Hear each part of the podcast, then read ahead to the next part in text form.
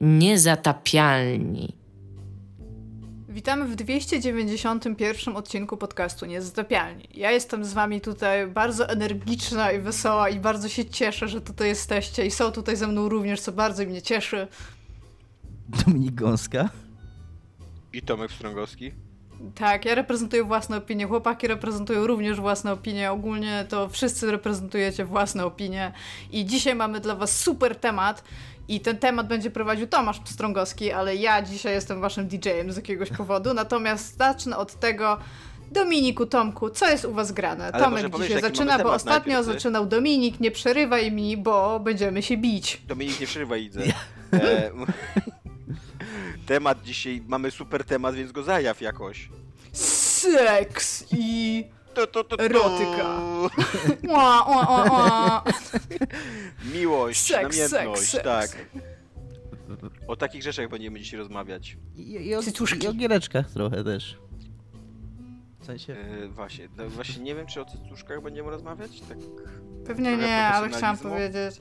Ostatnio uznałam, że najlepszym synonimem do słowa biust jest bimbały i mam zamiar, nad, mam zamiar nadużywać tego słowa, o którym przypomniał mi zresztą Tomasz Pstrągowski. Za co dziękuję Tomku, jeżeli nas słuchasz. E, dobra, co jest grane u mnie? E, u mnie jest, jako że mój kącik literacki cieszy się e, niegasnącym e, powodzeniem, to u mnie cały czas się dzieje literatura. Słucham sobie teraz e, audiobooka na szafocie Hilary Mentel. E, to jest druga część e, historii w, w komnatach Wolf Hall i to jest ogólnie hi- historia o Henryku VIII, którego z, jeżeli skończyliście polskie liceum, to kojarzycie Henryka VIII jako tego, co zabił dwie swoje żony, a miał ich chyba sześć. I, i dwie, dwie skazał na, na śmierć, jedną chyba spalono, a drugą chyba ścięto.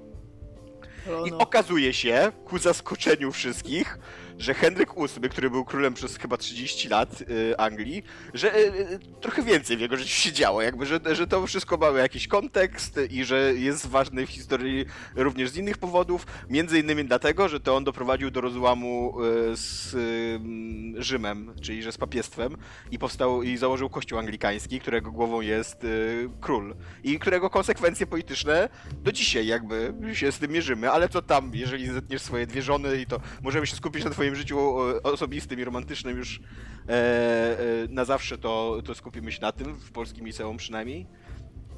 E, więc, więc tak, czytam sobie, znaczy słucham sobie tę książkę, jest ona dosyć słaba do słuchania. Ty, Iga, chyba też słuchasz audiobooków, co nie? Więc będziesz Słucham wiedziała, i y, tak, mogę potwierdzić fakt, że jest kilka w ogóle takich, co myślę, że bardzo szybko bym je przeczytała, ale nie jestem Tak. w stanie w ogóle ich słuchać. Tak, bo ona jest w ogóle bardzo dobra, tylko jest dosyć słaba do słuchania, bo jest pełna nazwisk i dat historycznych, takich rzeczy, których jak słuchasz, yy, to nie do końca ci się zapisują w pamięci i bardzo często muszę sobie przypominać, kto jest kim, który jest rok, czy teraz jest jakaś retrospekcja, czy nie jest retrospekcja, bo ta Hilary Mantel, yy, ona jest w ogóle Ale to jest taką... fabularna książka. Tak, tak, tak, to jest normalna fabuła. E, ona dostała nagrodę Bookera w ogóle za tą książkę, najważniejszą nagrodę literacką Bookera the Wit? Nie, po prostu Bookera. Nie, nie tego Bookera. Nie, nie tego Bookera. E, I ona jest strasznie drobiazgowa jakby w tej relacji y, z tego czasu. E, więc tak, więc mam z tym trochę problem, zwłaszcza, że ona też ma taki bardzo kronikarski styl. E, i, I przy okazji ten styl jest taki bardzo skupiony na może nawet nie detalach historycznych, jakby z życia, codzien- ale na mentalności tych ludzi, bo tam narratorem i głównym bohaterem, znaczy narratorem nie, narrator jest trzecioosobowy, ale jakby to jest taki narrator trzecioosobowy bardzo podążający za jednym bohaterem, bardzo taki... Taka, mm, takie TPP byś powiedział, tak? tak, no taki e, subiektywny narrator trzecioosobowy, który cza- czasem tam oczywiście pokazuje szerszą perspektywę i wychodzi jakby e, z tego bohatera i pokazuje coś innego, ale jednak głównie e, podąża za Tomaszem Cromwellem, czyli tym mm, głównym doradcą Henryka VIII, który tam był e, obok Tomasza Cranmera. To, to też jest w ogóle problem, jak słuchasz audiobooka, że dwóch bardzo ważnych bohaterów, znaczy trzech w ogóle, bo jeszcze z poprzedniej części jest jeszcze Tomasz More, Mo, Mor, Mor, e, Tomasz More, e, masz Tomasz Cromwell i, i Tomasz Cranmer. Je, jest to trochę problem, jak słuchasz audiobooka, że masz trzech ważnych Tomaszy, z których jeszcze jeden, e, jeszcze dwóch ma bardzo podobne nazwisko, co nie? Więc, więc tak. I, i on, ona się bardzo skupia na oddaniu takiego sposobu myślenia charakterystycznego dla epoki, co nie? Że na przykład, że ten król, pomimo wszystkich swoich wad, jednak jest takim przytłaczającym autorytetem dla wszystkich, nie? Takim, e, że, że nawet w momencie, kiedy on popełnia błędy, kiedy tam mm, podejmuje decyzje pod wpływem chwili, jakiejś namiętności i tak dalej, no to jednak, jednak to jest król i jakby nie ma żadnej dyskusji z tym, nie? Jakby całe państwo musi teraz wymyślić mechanizmy prawne, bo to już jest też taki moment w historii Anglii, kiedy te mechanizmy prawne w Anglii były mega rozbudowane jak król ma jakąś wolę, na przykład e, zerwać małżeństwo, to teraz całe państwo musi wymyślić prawodawstwo, które będzie odpowiadało do tej woli króla, co nie? Więc to jest, e, to jest bardzo ciekawe. I bardzo dobrze mi się tego słucha, aczkolwiek jest to coś takiego, do czego muszę raz na jakiś raz na jakiś czas muszę odnaleźć sobie znowu chęć do słuchania tego, nie? Jak już odnajdę tam przez kilka dni po prostu lecę kilka rozdziałów i jest fajnie, ale później tak znowu mi wygasa i, i, i, i wracam jakby do tego po jakimś czasie. To ma pewnie jakieś 16 godzin, co? Jo, ma w ogóle z 30 godzin. O jest. Zaraz, zaraz ci powiem, sprawdzę specjalnie, tak, tak, no. Jest mega, te, i to jest już drugi tom w ogóle, co nie? Mam nadzieję, że więcej tomów nie ma. Nie, nie sprawdzałem tego jeszcze, ale. To jest ale bardzo tak, fajne dzieło, cieszę się, że tam mam nadzieję, że więcej go nie ma. 7, 17 godzin, 45 minut, więc tak, więc dwa tomy mają ze 35-40 godzin pewnie, co nie? To jest dużo słuchania, to jest naprawdę dużo, dużo słuchania. Bardzo dużo słuchania, tak. E, no ogólnie tak, podoba mi się ta książka bardzo, bardzo ją polecam. E, fajnie też pokazuje e, takie, sko, e, że, e, skomplikowanie procesów historycznych i procesów politycznych. Nie jakby jak, jak dzisiaj narracja na temat pewnych decyzji i pewnych właśnie e, faktów historycznych jest bardzo prosta, że no był sobie taki król Henryk VIII, który postanowił tam e, zabić dwie swoje żony i e, rozejść się z kościołem katolickim, co nie z papiestwem, co nie? I to jest kropka, co nie? Masz tam narrację na temat człowieka, który był mega ważną postacią historyczną. A tutaj jakby ci tłumaczą bardzo drobiazgowo, jak wyglądało podejmowanie decyzji o zerwaniu z papiestwem, jakie, z jakimi to się konsekwencjami i trudnościami wiązało, bo na on przykład... zadzwonił do Watykanu i powiedział powiedział, ej, to, to nie wy, nie? Jakby co, to, to ja. nie no, bo wiem, na przykład ten Henryk VIII był bardzo świadom e, tam, tego, wiesz, że papież, Anglia nie... Papież, ej, musimy porozmawiać. Tak. To, I ten to, papież, u, to nie brzmi dobrze. No, to nie twoja wina, to moja. e, na, przykład, na przykład ten Henryk VIII, a już zwłaszcza jego doradcy, są bardzo świadomi tego, że nie mogą sobie pozwolić na konfrontację militarną e, z całą chrześcijańską Europą, co nie, zwłaszcza z cesarzem. E, i, więc, więc to zerwanie z, papie z papieżem... Zwłaszcza z cycami? Papieżem. A, okay. Z cesarzem, a, nie, nie z cycami. Mieliśmy nie mówić o cyckach. Poza tym jak już to z bimbałami. Konflikt z cyckami. tak. E, a do tego jeszcze, żeby było zabawniej, to ten e, Henryk VIII jest zaskakująco, jakby zaskakująco religijnie konserwatywnym człowiekiem był, nie? Tylko nie odpowiadało mu to, że papież miał kontrolę nad jego życiem romantycznym. Erotycznym. Nie? Erotycznym, tak, te, też również. I, I jakby stąd się wywodziło ten, ten jego rozwód z papiestwem, nie? Więc, więc tak, jest to pokazane bardzo tak zniuansowanie i bardzo ciekawie. I też e, rzeczy, o których się nie uczysz w polskim liceum historii, ani nawet na polskim kurde uniwersytecie, bo też miałem przecież zajęcie z historii, też się tego nie uczyłem, jak e, e, o tych wszystkich politycznych i ekonomicznych korzyściach, jakie Anglia odniosła, jakby jak dużo jej politycznie dało przejęcie władzy nad taką narracją religijną, i, I też czysto ekonomicznie, jak duży był majątek papieża w Anglii i jak przejęcie go przez króla po prostu, wiesz, pozwoliło Anglii złapać jakby taki oddech finansowy, co nie?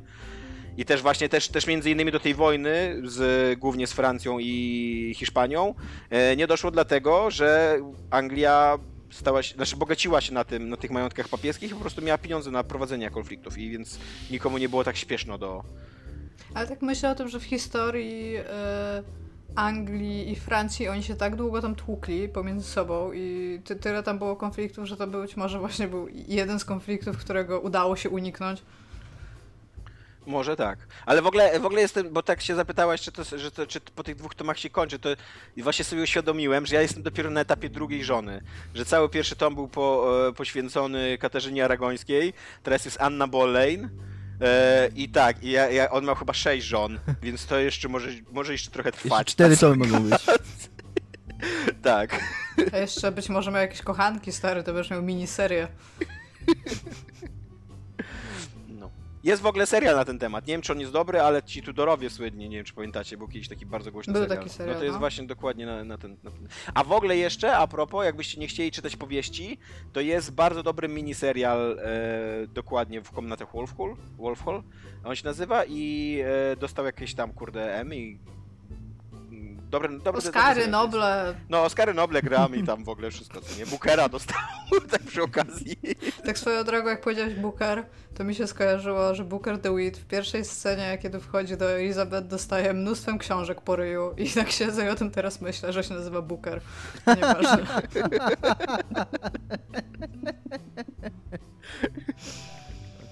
Taki Blast from the Past, dawno nie myślałam w ogóle o Bioshocku. Kurde, Bioshock był tak dobry. A jeszcze teraz mam wrażenie, że mi się jeszcze bardziej podobał na mojej nowo odkrytej fascynacji survival horrorami. Bo akurat mi się w Bioshocku te horrorowe elementy wtedy, jak w niego grałem, nie podobały, a teraz myślę, że wymikuna wszedłem jak w masło w niego. Może sobie przypomnę Bioshocka. Ja mam do ciebie jeszcze Bioshock? pytanie tam aha, ci tej chodzi o te książki. pierwsze O pierwszego. Bioshocka, tak, tak.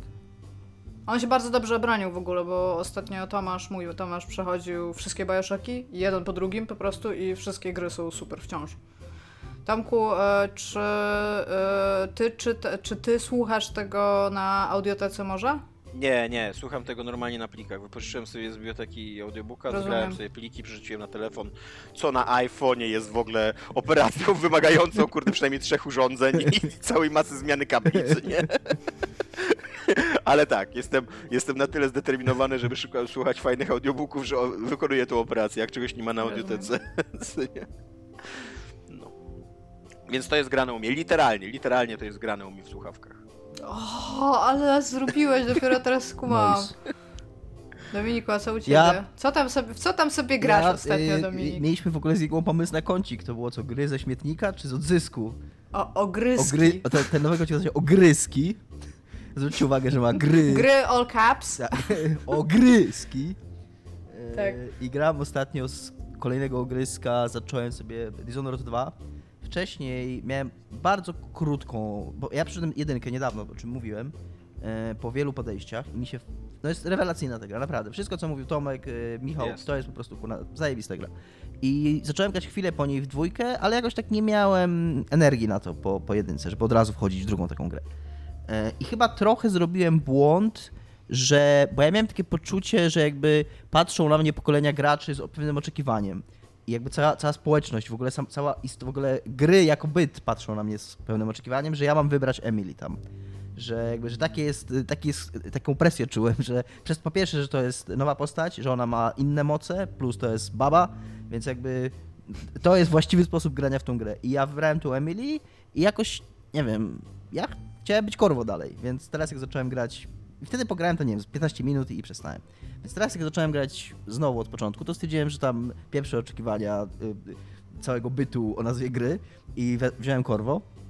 I, na, i na, Taki teraz w tle zawiedzione głosy tysięcy graczy i krytyków tak, tak, tak. No i Nie, raczej gracze to się raczej cieszą, że jest. No, że no i gra. pograłem, ki- pograłem A. kilka godzin i na początku grało mi się super, a po tych paru godzinach mam z kolei takie, i to być może troszeczkę jest konsekwencja decyzji, którą podjąłem, mam trochę takie wrażenie, że jakbym drugi raz grał w Dishonored. Jakby w, ogóle, Znaczy, w ogóle nie czuję, że to jest kontynuacja. Nawet te lokacje, e, ona nawet wizualnie, ona trochę obiecuje, ona składa taką obietnicę na początku, że to będzie zupełnie inne miasto, zupełnie inna architektura, zupełnie inna oprawa, jakby taki feeling mie- miejsca, a po, po chwili się okazuje, że to wygląda wszystko właściwie identycznie jak, jak w jedynce. Jest to trochę konsekwencja tego, co zrobiłeś, ponieważ Emily ma trochę inne tak, umiejętności, więc- więc... gra się nią trochę inaczej. Ale wciąż, Więc w ogóle, w ogóle nie rozumiem twojej decyzji. ale, ale wciąż jakby w tym sensie rozumiem, żeby mi się grało Tak. inaczej, ale wciąż to na przykład bardzo mi przeszkadza to, że te miejsca Ale wyglądają, tak. że te lokacje wyglądają. Ja, ja nie czuję, że to są jakieś nowe, że to jest coś, nie, nie ma żadnej świeżości w tej grze. To było moje największe rozczarowanie Dishonored 2. Nie wiem, czy pamiętacie, ale ja wtedy w podsumowaniu roku dałem, że właśnie rozczarowujące sequele i między innymi właśnie od Dishonored dwa mówiłem, że tak, że ona jest strasznie jak jedynka, e, a do tego jest strasznie rozczarowująca fabularnie. Tam zobacz, tam się w ogóle w fabule nic nie dzieje, co nie? To jest taki stereotyp w ogóle taki, wiesz, Mhm. i to nawet bez takiego dramatyzmu, który ma w jedynce, która też nie miała jakiejś odkrywczej fabuły, co Tak, nie? Ale przynajmniej jakby, wiesz, pro, prowadzona była fajnie, to nic Jak- takiego. Ale e, cieszę się na twoje szczęście, bo są dwa mega zajebiste levele w tej grze. Takie No, naprawdę mega Tylko, że pomysłowe. właśnie nie wiem, czy... Znaczy, no myślę, że wrócę do niej. Może, może, może będzie tak jak z jedynką, że będę chyba 5 czy 6 razy ją zaczynał, aż, aż mi w końcu z, y, pyknie. E, ale zgadzam się z tobą w ogóle co do fabuły, bo gadałem ostatnio z Patrykiem Fiałkowskim, właśnie też od Dishonored 2. I on mówił mi, że grało mu się super, a że- fabuła to jest kiepska, Znanym także jako Adam Piechota. ale że fabuła była kiepska, ale w jedynce też była kiepska i że w ogóle te gry nie, nie, nie jakby on nie, nie gra na fabuły i fabuła nie jest w nich aż taka ważna. Ja się z tym bardzo nie zgadzam. Ja, jasne, jedynka miała taką stereotypową fabułę, no ale czasami fabuła, jakby nie oczekujesz, że każda fabuła to by tam postawi twój świat na nogach, nie? Więc... Zamie się pod dywan. I się pod dywan. Więc... y, y, A, a ona była dobrze prowadzona, miała dramatyzm, miała fajne Tak. postacie i jakby, mimo że się spodziewałeś, to nie wiedziałeś, co tam się wydarzy, to I miała świetny worldbuilding. tak, i i wiedziałeś, co tam się wydarzy, to tam z radością jakoś to przyjmowałeś, co się dzieje, nie? E, A, a tutaj, no nie wiem, tutaj grałem za krótko, żeby ocenić może fabułę, ale tylko chodzi mi o to, że jakby chciałem powiedzieć, że więcej mi się podobało. A tutaj, no, może będę grał dalej, może spróbuję jeszcze raz zacząć od nowa i jednak wziąć Emily. E, No nie wiem, nie wiem, no miałem takie, no mówię, Jakby, Dominik, za każdym razem, jak ty to mówisz, że być może zaczniesz coś od nowa, jeszcze może spróbujesz coś innego, to ja się zastanawiam, jakby mi się nie chciało w ogóle, jak ja dopiero zaczęłam jakąś grę i nawet kilka godzin pogram, przejść jeszcze raz te kilka ja, godzin. ja mam z kolei tak, że Ja cię tak podziwiam, to jest dla mnie taka Znaczy, to kara nie jest, to nie jest razem. powód do podziwu, wydaje mi się.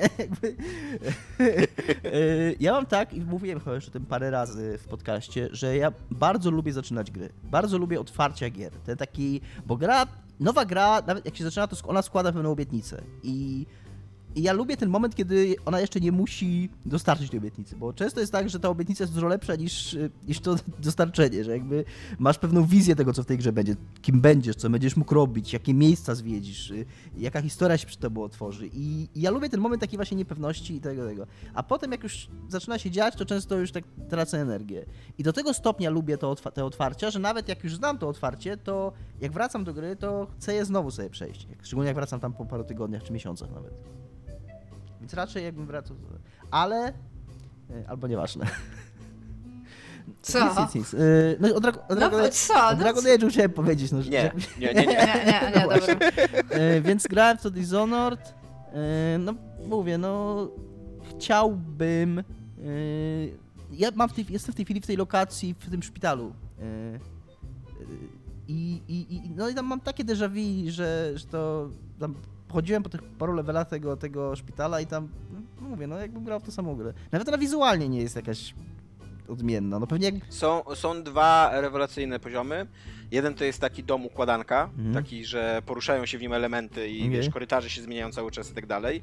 A drugi to jest e, takie, takie domostwo, w którym się przeskakujesz na dwóch planach czasowych, co nie? Okej. I że na jednym, na jednym to jest już opuszczone domostwo takie we współczesności, a na drugim widzisz jakby historię, jak doszło do tego, że ono zostało, Okej. ono upadło. To Czekaj, Więc- Dishonored 2 było reklamowane takimi screenami ludzi, którzy mieli takie super dziwne nakrycie głowy z jakichś dzieci zrobione? nie wiem, ale Tomek powiem ci, że Jakiś bal taki był Nie wiem. przebierańców tam chyba. No E, Tomek, e, to mnie zachęciłeś trochę. To być może zacisnę zęby e, i, i przebrnę przez to, co może mi się nie tak super gra, bo to brzmi bardzo ciekawie, co powiedziałeś. A w co ty grasz, Iga? No to super. Słuchajcie, ja po bardzo wielu problemach, od których bardzo krótko zacznę, dostania gry, w którą gram, która była zamówiona dla mnie w prezencie na premierę, która była 10 lipca i która nie doszła, i, przez, i o którą to paczkę musiałam się bić z DPD przez tydzień i po prostu to była jakaś pieprzona masakra, żeby w ogóle otrzymać towar, za który zapłaciłam od nich. E, okazuje się, że tam nikt nie bierze za nic odpowiedzialności, a e, jakby jak się nazywa taki oddział? Oddział DPD, który tę paczkę w ogóle sobie wziął, to chyba jako zakładnika ją trzymał. Nie mogłam jej odebrać, w ogóle nikt nie był w stanie mi nic na jej temat powiedzieć. I no bardzo źle to wspominam i na tyle źle, że napisałam tweeta, że nie polecam ich serwisu i DPD się do mnie odezwało na Twitterze, czy w czymś mogą pomóc. Ja mówię, dajcie mi tam my fucking package. I oni powiedzieli, dobra, jaka to, jaki to jest numer paczki, jaki to jest kraj. Im dałam i myślałam, że to będzie tyle. I wczoraj dostałam maila od jakiejś babki, która jest tutaj w Polsce jakimś tam szefem tam czegoś i się mnie pyta, co się stało i napisałam jej maila bardzo długiego na temat tego, co się stało i napisałam, że ja już nawet nie jestem zła, ale what the fuck happened po prostu, bo to wygląda trochę tak, jakby ta paczka wpadła w jakiś taki loop systemowy, gdzie cały czas wracała do faktu, że musi zostać zmagazynowana, żeby mogli ją dodać do wyręczenia i po prostu statusy szalały. 90 statusów ona miała w ogóle chyba przez ten tydzień.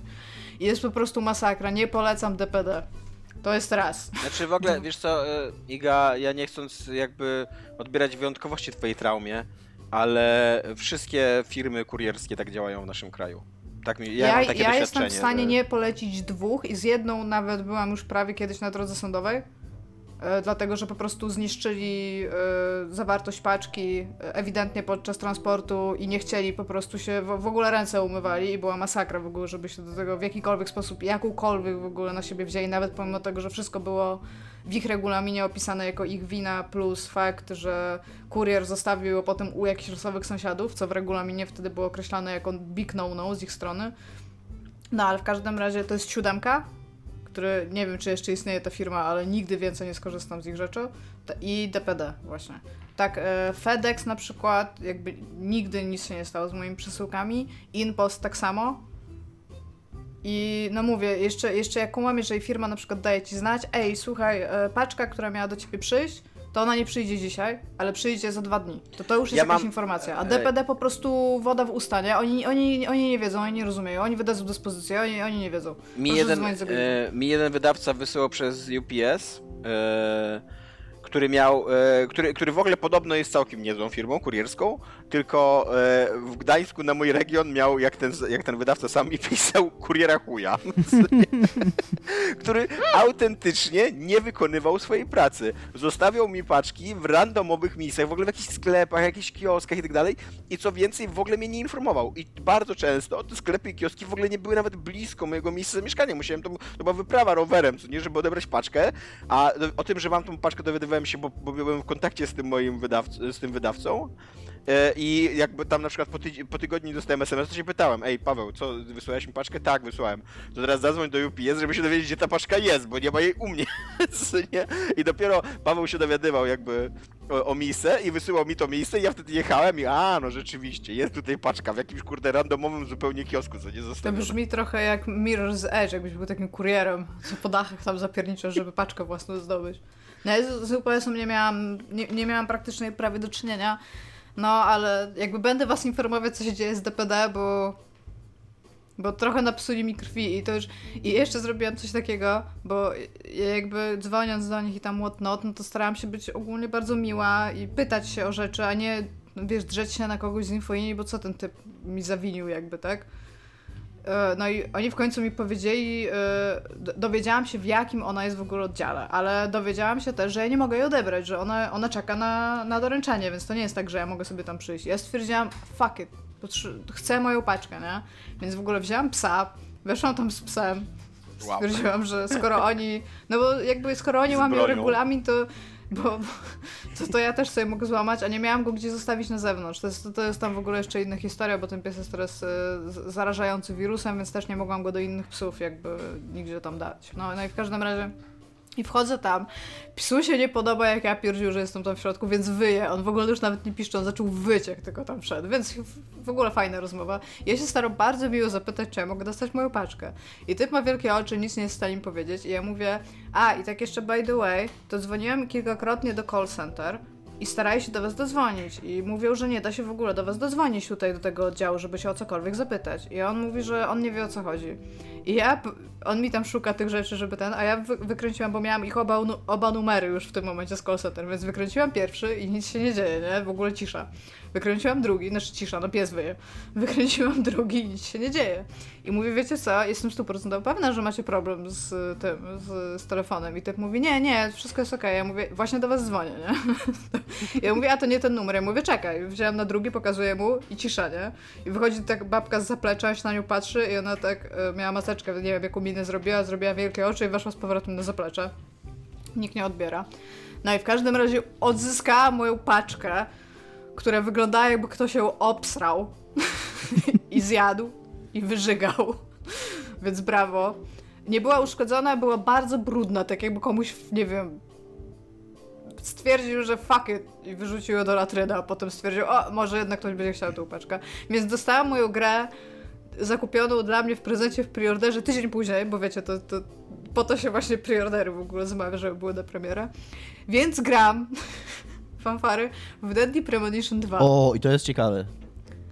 I zapytacie się mnie, Iga, Iga. ale Deadly Premonition to była dziwna gra. Ona pobyła kiedyś rekord Guinnessa w y, grze, która była oceniana najbardziej jakby skrajnie. Miała albo 10 na 10, albo 1 na 10. I Iga, co ty myślisz o Deadly Premonition 1? Więc ja odpowiem wam, skoro piszecie do mnie, odpowiem wam. Uh, Deadly Premonition 1 to jest jedna z moich ukochanych gier, natomiast w życiu nie powiedziałabym komukolwiek, że powinien w tę grę zagrać i że to jest dobra gra. Ponieważ czy oglądaliście, moi drodzy, y, tutaj y, współautorzy podcastu serial Twin Peaks? Tak. Dobrze. I teraz, I teraz zostańcie na poziomie serialu Twin Peaks. Czy oglądaliście prequel do Twin Peaks? Twin Peaks Fire Walk With Me. Nie. Nie. To teraz wyobraźcie sobie, że cały Twin Peaks stracił budżet i połowa e, scenarzystów i filmowców zapomniała, jak się robi filmy i powstał Fire Walk With Me. To to jest mniej więcej taki poziom w ogóle fikcji Ale powiedz mi gameplayowo, co to jest za gra. To jest gra TPP, e, tak ogólnie, który, w której masz jednego głównego bohatera, który przyjeżdża do małego miasteczka rozwiązać sprawę morderstwa. Więc to jest jakby Twin Peaksowo bardzo, bardzo mocno inspirowane Twin Peaksem. Pierwsza część ty tam, się dzieje w dobra, ale czy ty tam, y, to jest beat'em up, TPP, czy to jest przygodówka, czy co to jest? To jest wszystko naraz. Aha. To Okej. jest horror, w sensie on ma elementy horroru, a prowadzisz tam takie detektywistyczne dochodzenie, ale też to miasto żyje takim trochę własnym życiem, więc każdy quest jest troszeczkę inny.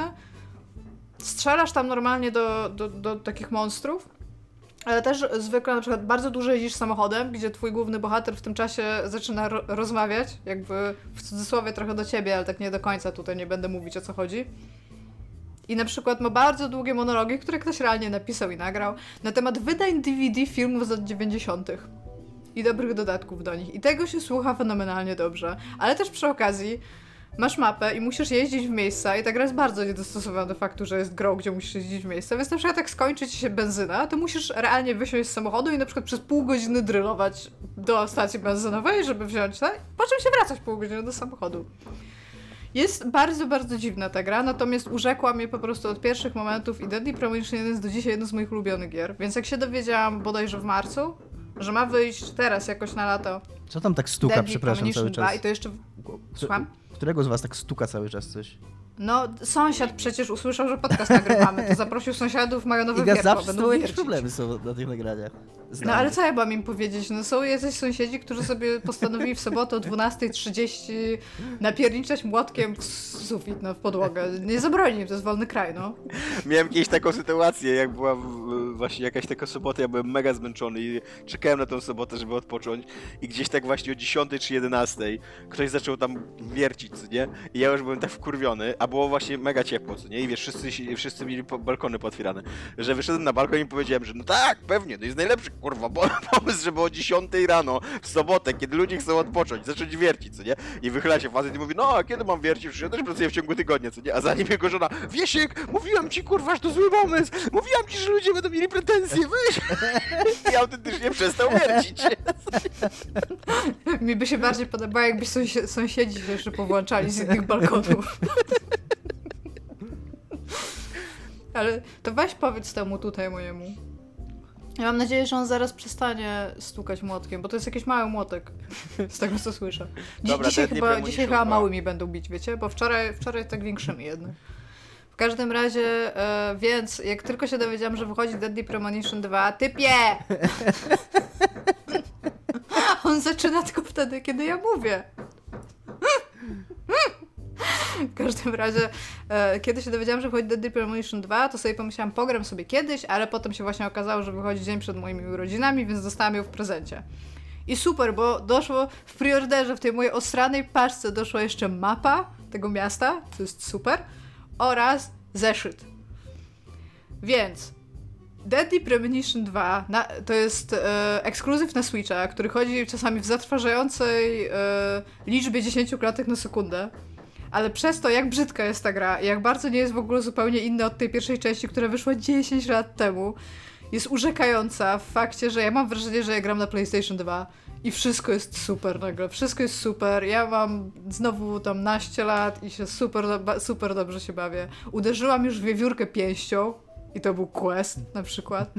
Wszystko jest tam nie okej okay. i w ogóle zaczyna się to mniej więcej, znaczy na samym początku, bo ja w ogóle się bardzo zdziwiłam, bo chciałam wam, sprawdziłam sobie specjalnie wczoraj, ile już gram, żeby powiedzieć, gram już tam prawie 5 godzin, a ja myślałam, że gram z godzinę. Zapytacie się, Iga, dlaczego tak myślałaś? Powiem wam tak, na samym początku tej gry jesteś zupełnie dwoma innymi postaciami niż byłeś w pierwszej części i w ogóle nie, nie znasz tych nowych postaci. To są agenci FBI, którzy przychodzą do ziomeczka, który był w pierwszej części i zadają mu różne pytania. I wszystkie te dialogi nie mają sensu i są bardzo źle napisane. Aktorstwo jest takie, jakby się bardzo starali być twardzi, ale nic do tego nie pasuje.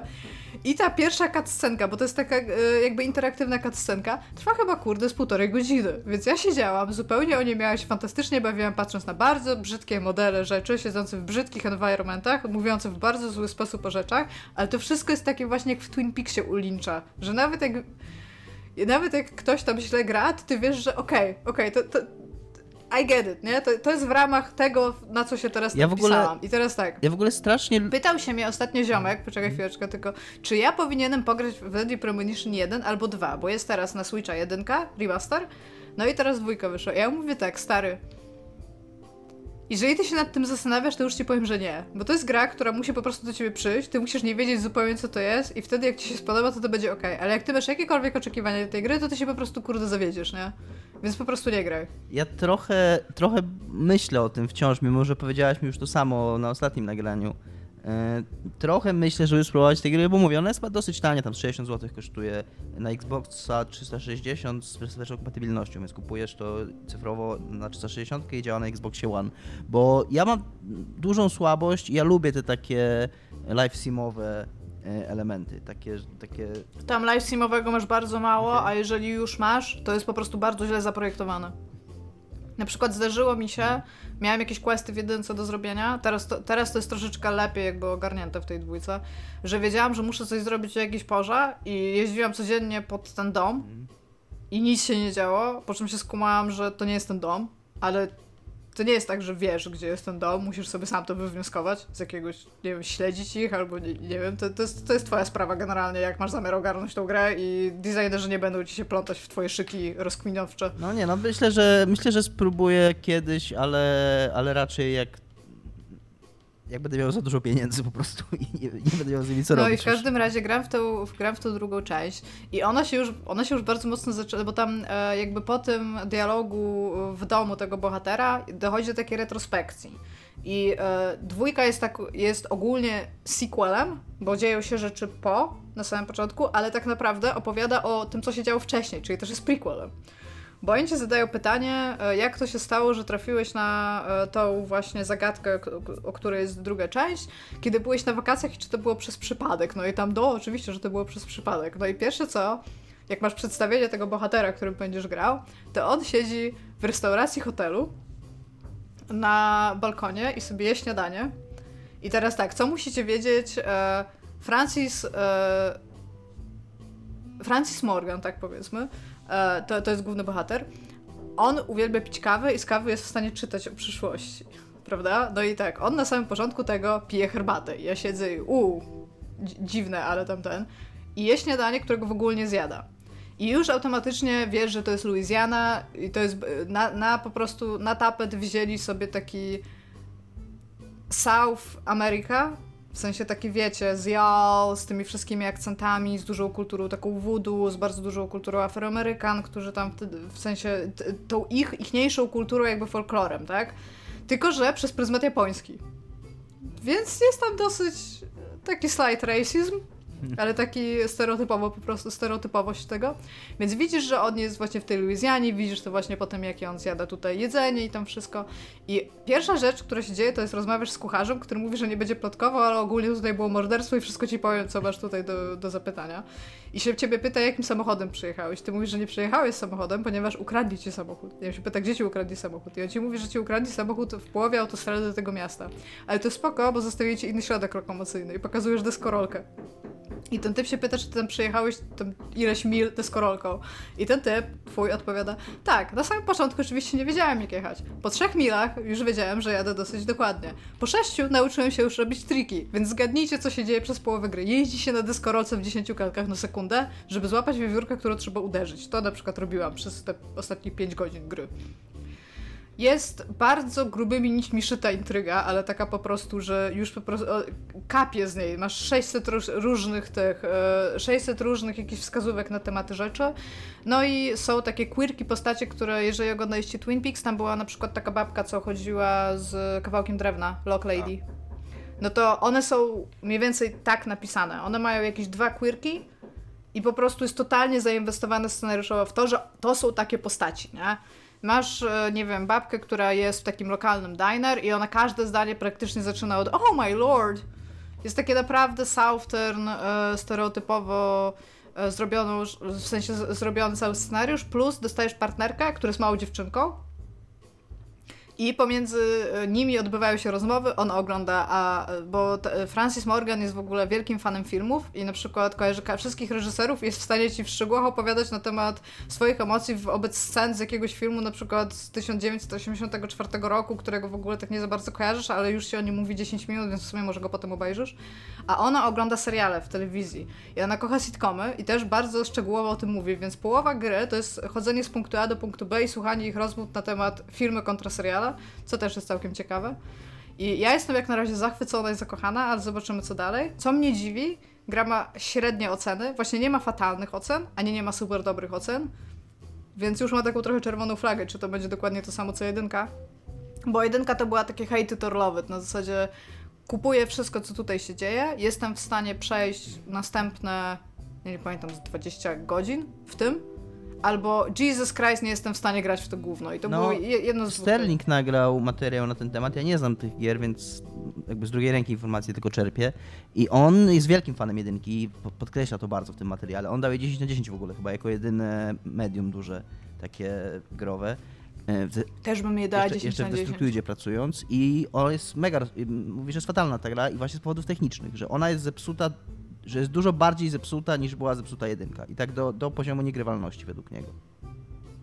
Znaczy, mówię, na przykład te 10 klatek na sekundę jestem w stanie stwierdzić, że to, to, jest masakra w ogóle. W sensie, jak się gra, to nie jest tak, że to jestem jak, ej, super, ale z drugiej strony, jak ja wyszłam automatycznie z założenia, że to jest gra na PS2, to jakby jestem w stanie to, to przeżyć, a e, trzyma mnie jak na razie przy nie wszystko, po prostu, cały, cały ten bananas, jeżeli chodzi o napisanie, e, nasze opi o pisarstwo dialogowe.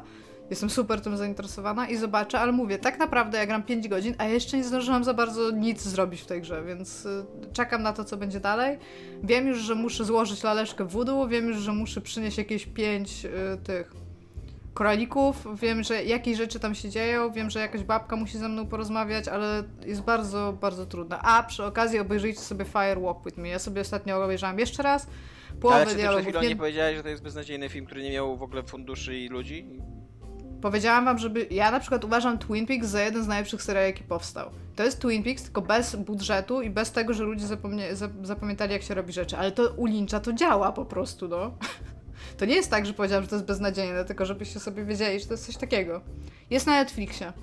Nie zrozumiecie połowy dialogu, bo po prostu ludzie mówią tam tak jak w filmach polskich. To było zagraj jak Polacy. I oni powiedzieli idealnie. Jestem wielkim fanem w ogóle. Mamy, mamy to kino moralnego niepokoju, które było bardzo istotne w ogóle.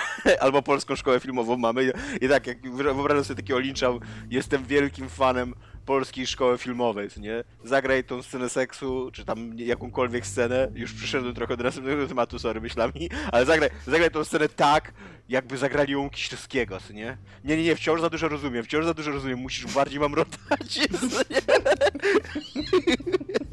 No to mniej więcej taki jest Fire Walk With Me. No jest, jest, jest naprawdę, ja wam powiem tak, jeżeli byśmy mieli ten scenariusz i by nam dali kamerę taką tam jakąś lepszą i powiedzieli, macie tutaj budżet i aktorów i weźcie zróbcie ten film, to byśmy go, to, to wyobraźcie sobie na jakim poziomie byśmy zrobili film. No to mniej więcej to jest taki film. On jest, to jest film, który jest złożony, to nie jest super dobrze złożony film, do... No. Tyle. Ale nie, to raczej go nie obejrzę. Wiesz co, Iga, y, potrafisz zniechęcić do filmu, który, do którego zachęcasz, tak ci powiem.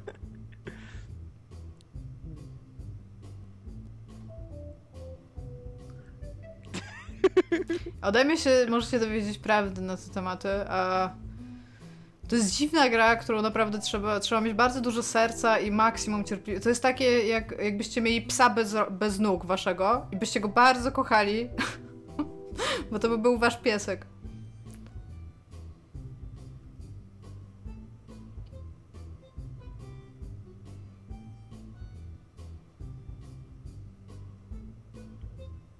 No nie, w sensie, ja, ja jestem w stanie to... Ja jestem w stanie polecić tak samo, jak ci cały czas polecam Resident Evil 7. Ale po prostu nie jestem Dominik, w stanie czy powiedzieć, masz za ej mało Dominik, gier w swoim życiu? nie, to ja nie jestem w stanie powiedzieć, ej Dominik, słuchaj, weź wydaj 60 zł na tą grę, bo pewnie ci się spodoba, bo wiem po prostu, że najprawdopodobniej ci się nie spodoba. Bo to nie jest gra dla każdego. Tylko dla y, tych znających się.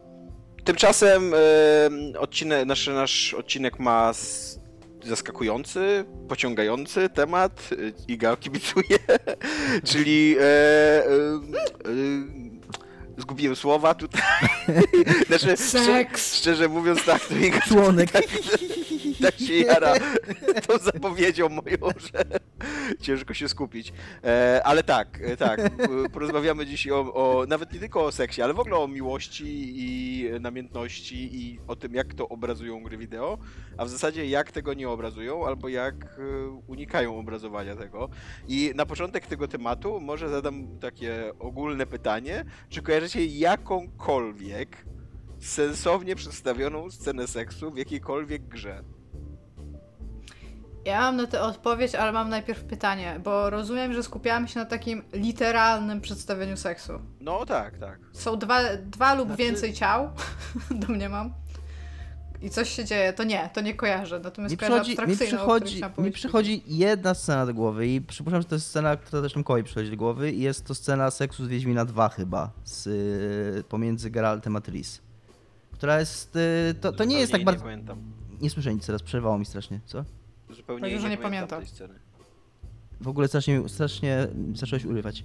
E, No i jest ta, te- ja też to słabo pamiętam, ale wiem, że to był taki ogólnie cała, przedsta- cała taka, e, mm, cała sekwencja, że oni tam w jakimś lesie chyba są, czy, czy w jakimś takim gaju jakimś. I ona była taka, że nie było cringe'u w niej i była taka, że, że cała otoczka tego, że cała, cała rozmowa między nimi, cała taka chemia między nimi, cała to, wszystko to, co się działo tak poza y, tą, tą fizyczną stroną, e, było, było takie, że, że to było takie dosyć wiarygodne i takie, no, sensowne. Ja teraz mam też e, takie pytanie, bo e, takie jakby najlepsze sceny, o których byłam w stanie w ogóle myśleć, kiedy, kiedy myślałam o To tym, Dawid i- Karze. które znam z gier. Słucham? To Dawid Karze. Nie, no, napisałeś, że nie możemy rozmawiać o tym widziku, że ja teraz nie, możemy, nie możemy, ale przy najgorszych, przy najlepszych możesz. A, okej. No to tak, to, to definitywnie. Nie, tylko tak się zastanawiałam. E, jakby to, to też wyjdzie w rozmowie, ale mam wrażenie, że takie jakby najbardziej pełne, jakby trochę do... O, fajnie, teraz wyciągnął wiertło. Wierci w młotku, żeby potem nim napieprzać. E, to ten, to e, jakby za, jedyne gry, w których miałam takie wrażenie, że ja jestem traktowana serio jako odbiorca i że ja wiem, co się dzieje i wiem, że czemu to się teraz dzieje i ten, to są y, visual novelki. I tam, o ile masz jakąś warstwę y, wizualną, no, visual novel, to jakby całość tej takiej magii dzieje się w tekście, nie? No i tam, że potem masz jakieś rozbierane sceny albo coś się dzieje, no to to masz takie, to też jest kwestia pewnie mocy tego, że to jest statyczne. Po prostu masz statyczną, erotyczną, erotyczny jakiś obraz z opisem pod spodem, co się dzieje, ale przez to, że to jest opis i przez to, że jesteś, w, wiesz, co się działo wcześniej i że to są gry bardzo często skupione na bardzo e, takich... E, ojejku, e, niekameralnych przeżyciach obyczajowych, e, ż- jakby kwestiach tego, co się dzieje, to ty realnie jesteś w stanie wiedzieć, że jaka jest relacja e, twojego bohatera e, do tej osoby, z którą będzie no, tam miał ten stosunek i co się działo w międzyczasie, że to jest coś ważnego, albo z drugiej strony mało ważnego, ale co też ma sens, że to jest na przykład mało ważne, nie? Więc e, No mówię, pewnie do, potem do tego dojdziemy w, w, rozmowie, ale mam wrażenie, że jakby najlepiej ze scenami seksu radzą sobie dzieła, które są tak naprawdę jakby na peryferiach interaktywnego medium, jakim są gry, tak? No bo nie, trudno jest powiedzieć, że visual novel to jest taka gra z krwi i kości, tak? To jest połączenie jednak literatury z grą, tak? Jako interaktywne coś i połączenie tego z wizualnością. Więc wydaje mi się, że tam bym tego szukała, no ale z drugiej strony to też nie jest chyba to, nad czym się tutaj zastanawiamy ogólnie w rozmowie. A czyli Więc do takich wniosków. Takich normalnych, nie visual novelowych scenek nie masz żadnych na myśli? Nie, wiesz co, bardzo, bardzo długo o tym realnie myślałam i myślałam też o tym właśnie w kategorii oprócz tego, czy to jest scena erotycznie, że tak powiem, poprawna, albo co więcej, czy to jest na przykład scena już taka ocierająca się o pornografię, na zasadzie, że to już jest realnie pokazana jakaś tam scena seksu, która ma też być dla ciebie jako dla odbiorcy w jakiś sposób satysfakcjonująca, to e, siedziałam, myślałam na ten temat i doszłam do wniosku, że wiem, że, tylko że to, to są rzeczy, których ja jakby nie, nie, nie przeżyłam je grając. Wiem, że na przykład w Mass Effectie było, było bardzo dużo takich scen, że na, nawet ludzie się dziwili, że czemu ta scena jest nagle taka dobra. Było coś takiego. Albo że tam czemu ktoś tam w ogóle wlał tam swoje serce do faktu, żeby ta scena seksu była taka dobra, skoro tam, nie wiem, nie była jakaś super ciekawa. I e, przez to najczęściej, że jeżeli to nie są gry stricte pornograficzne, że jeżeli chcesz mieć jakąkolwiek interakcję w ogóle w, ty, w tych scenach, a to nie jest cutscenka, to nie wpadłam na nic w ogóle, co by było w jakikolwiek sposób traktujące fajnie odbiorcę, bo albo to to jest takie trochę... Y, stojące w rozkroku pomiędzy faktem, czy to będzie czy to będzie e, coś jakby erotycznego, dorosłego, a coś z drugiej strony takiego właśnie żywego, prawdziwego, być może właśnie nawet pornograficznego, że trochę twórcy nie mogą się kurde zdecydować, mam wrażenie, w takich jakby tytułach 3D, gdzie masz modele postaci i wszystko. Plus musi być super awkward robić tą scenę na open space w ogóle firmie game deweloperskiej jeszcze potem przychodzi tam szef, żeby ocenić te hmm, nie, za, za mało cysków, nie?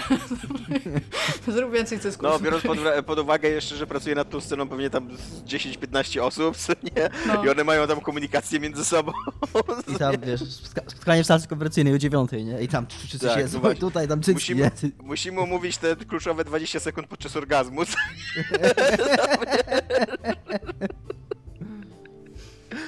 Właśnie i to też jest może taka kwestia, nad którą się powinniśmy zastanowić, że być może dlatego właśnie, że visual novelki i być może te gry indie, o których też bym chciała tutaj trochę powiedzieć, są robione w mniejszym gronie, to być może to też ma trochę więcej sensu, że nagle się robią tam jakby takie trochę lepsze te sceny seksu, bo jak weźmiesz jeżeli weźmiesz 30 osób do pokoju i to jest 30 osób aktywnych, seksualnie dojrzałych ludzi i poprosisz ich, żeby opisywali jakieś seksy, to żaden, żaden z tych opisów nawet nie będzie blisko siebie, nie? Więc jakby jak zrobić upośrednioną scenę seksu dla szerokiego odbiorcy? Ale wiesz co, Iga, ja mam takie doświadczenie moje, że jakby w grach indie wcale nie jest jakoś odważniej i lepiej pod tym tematem. Jakby y, jest, jest y, drobny taki, y, drobna nisza gier pornograficznych, które są po prostu durne.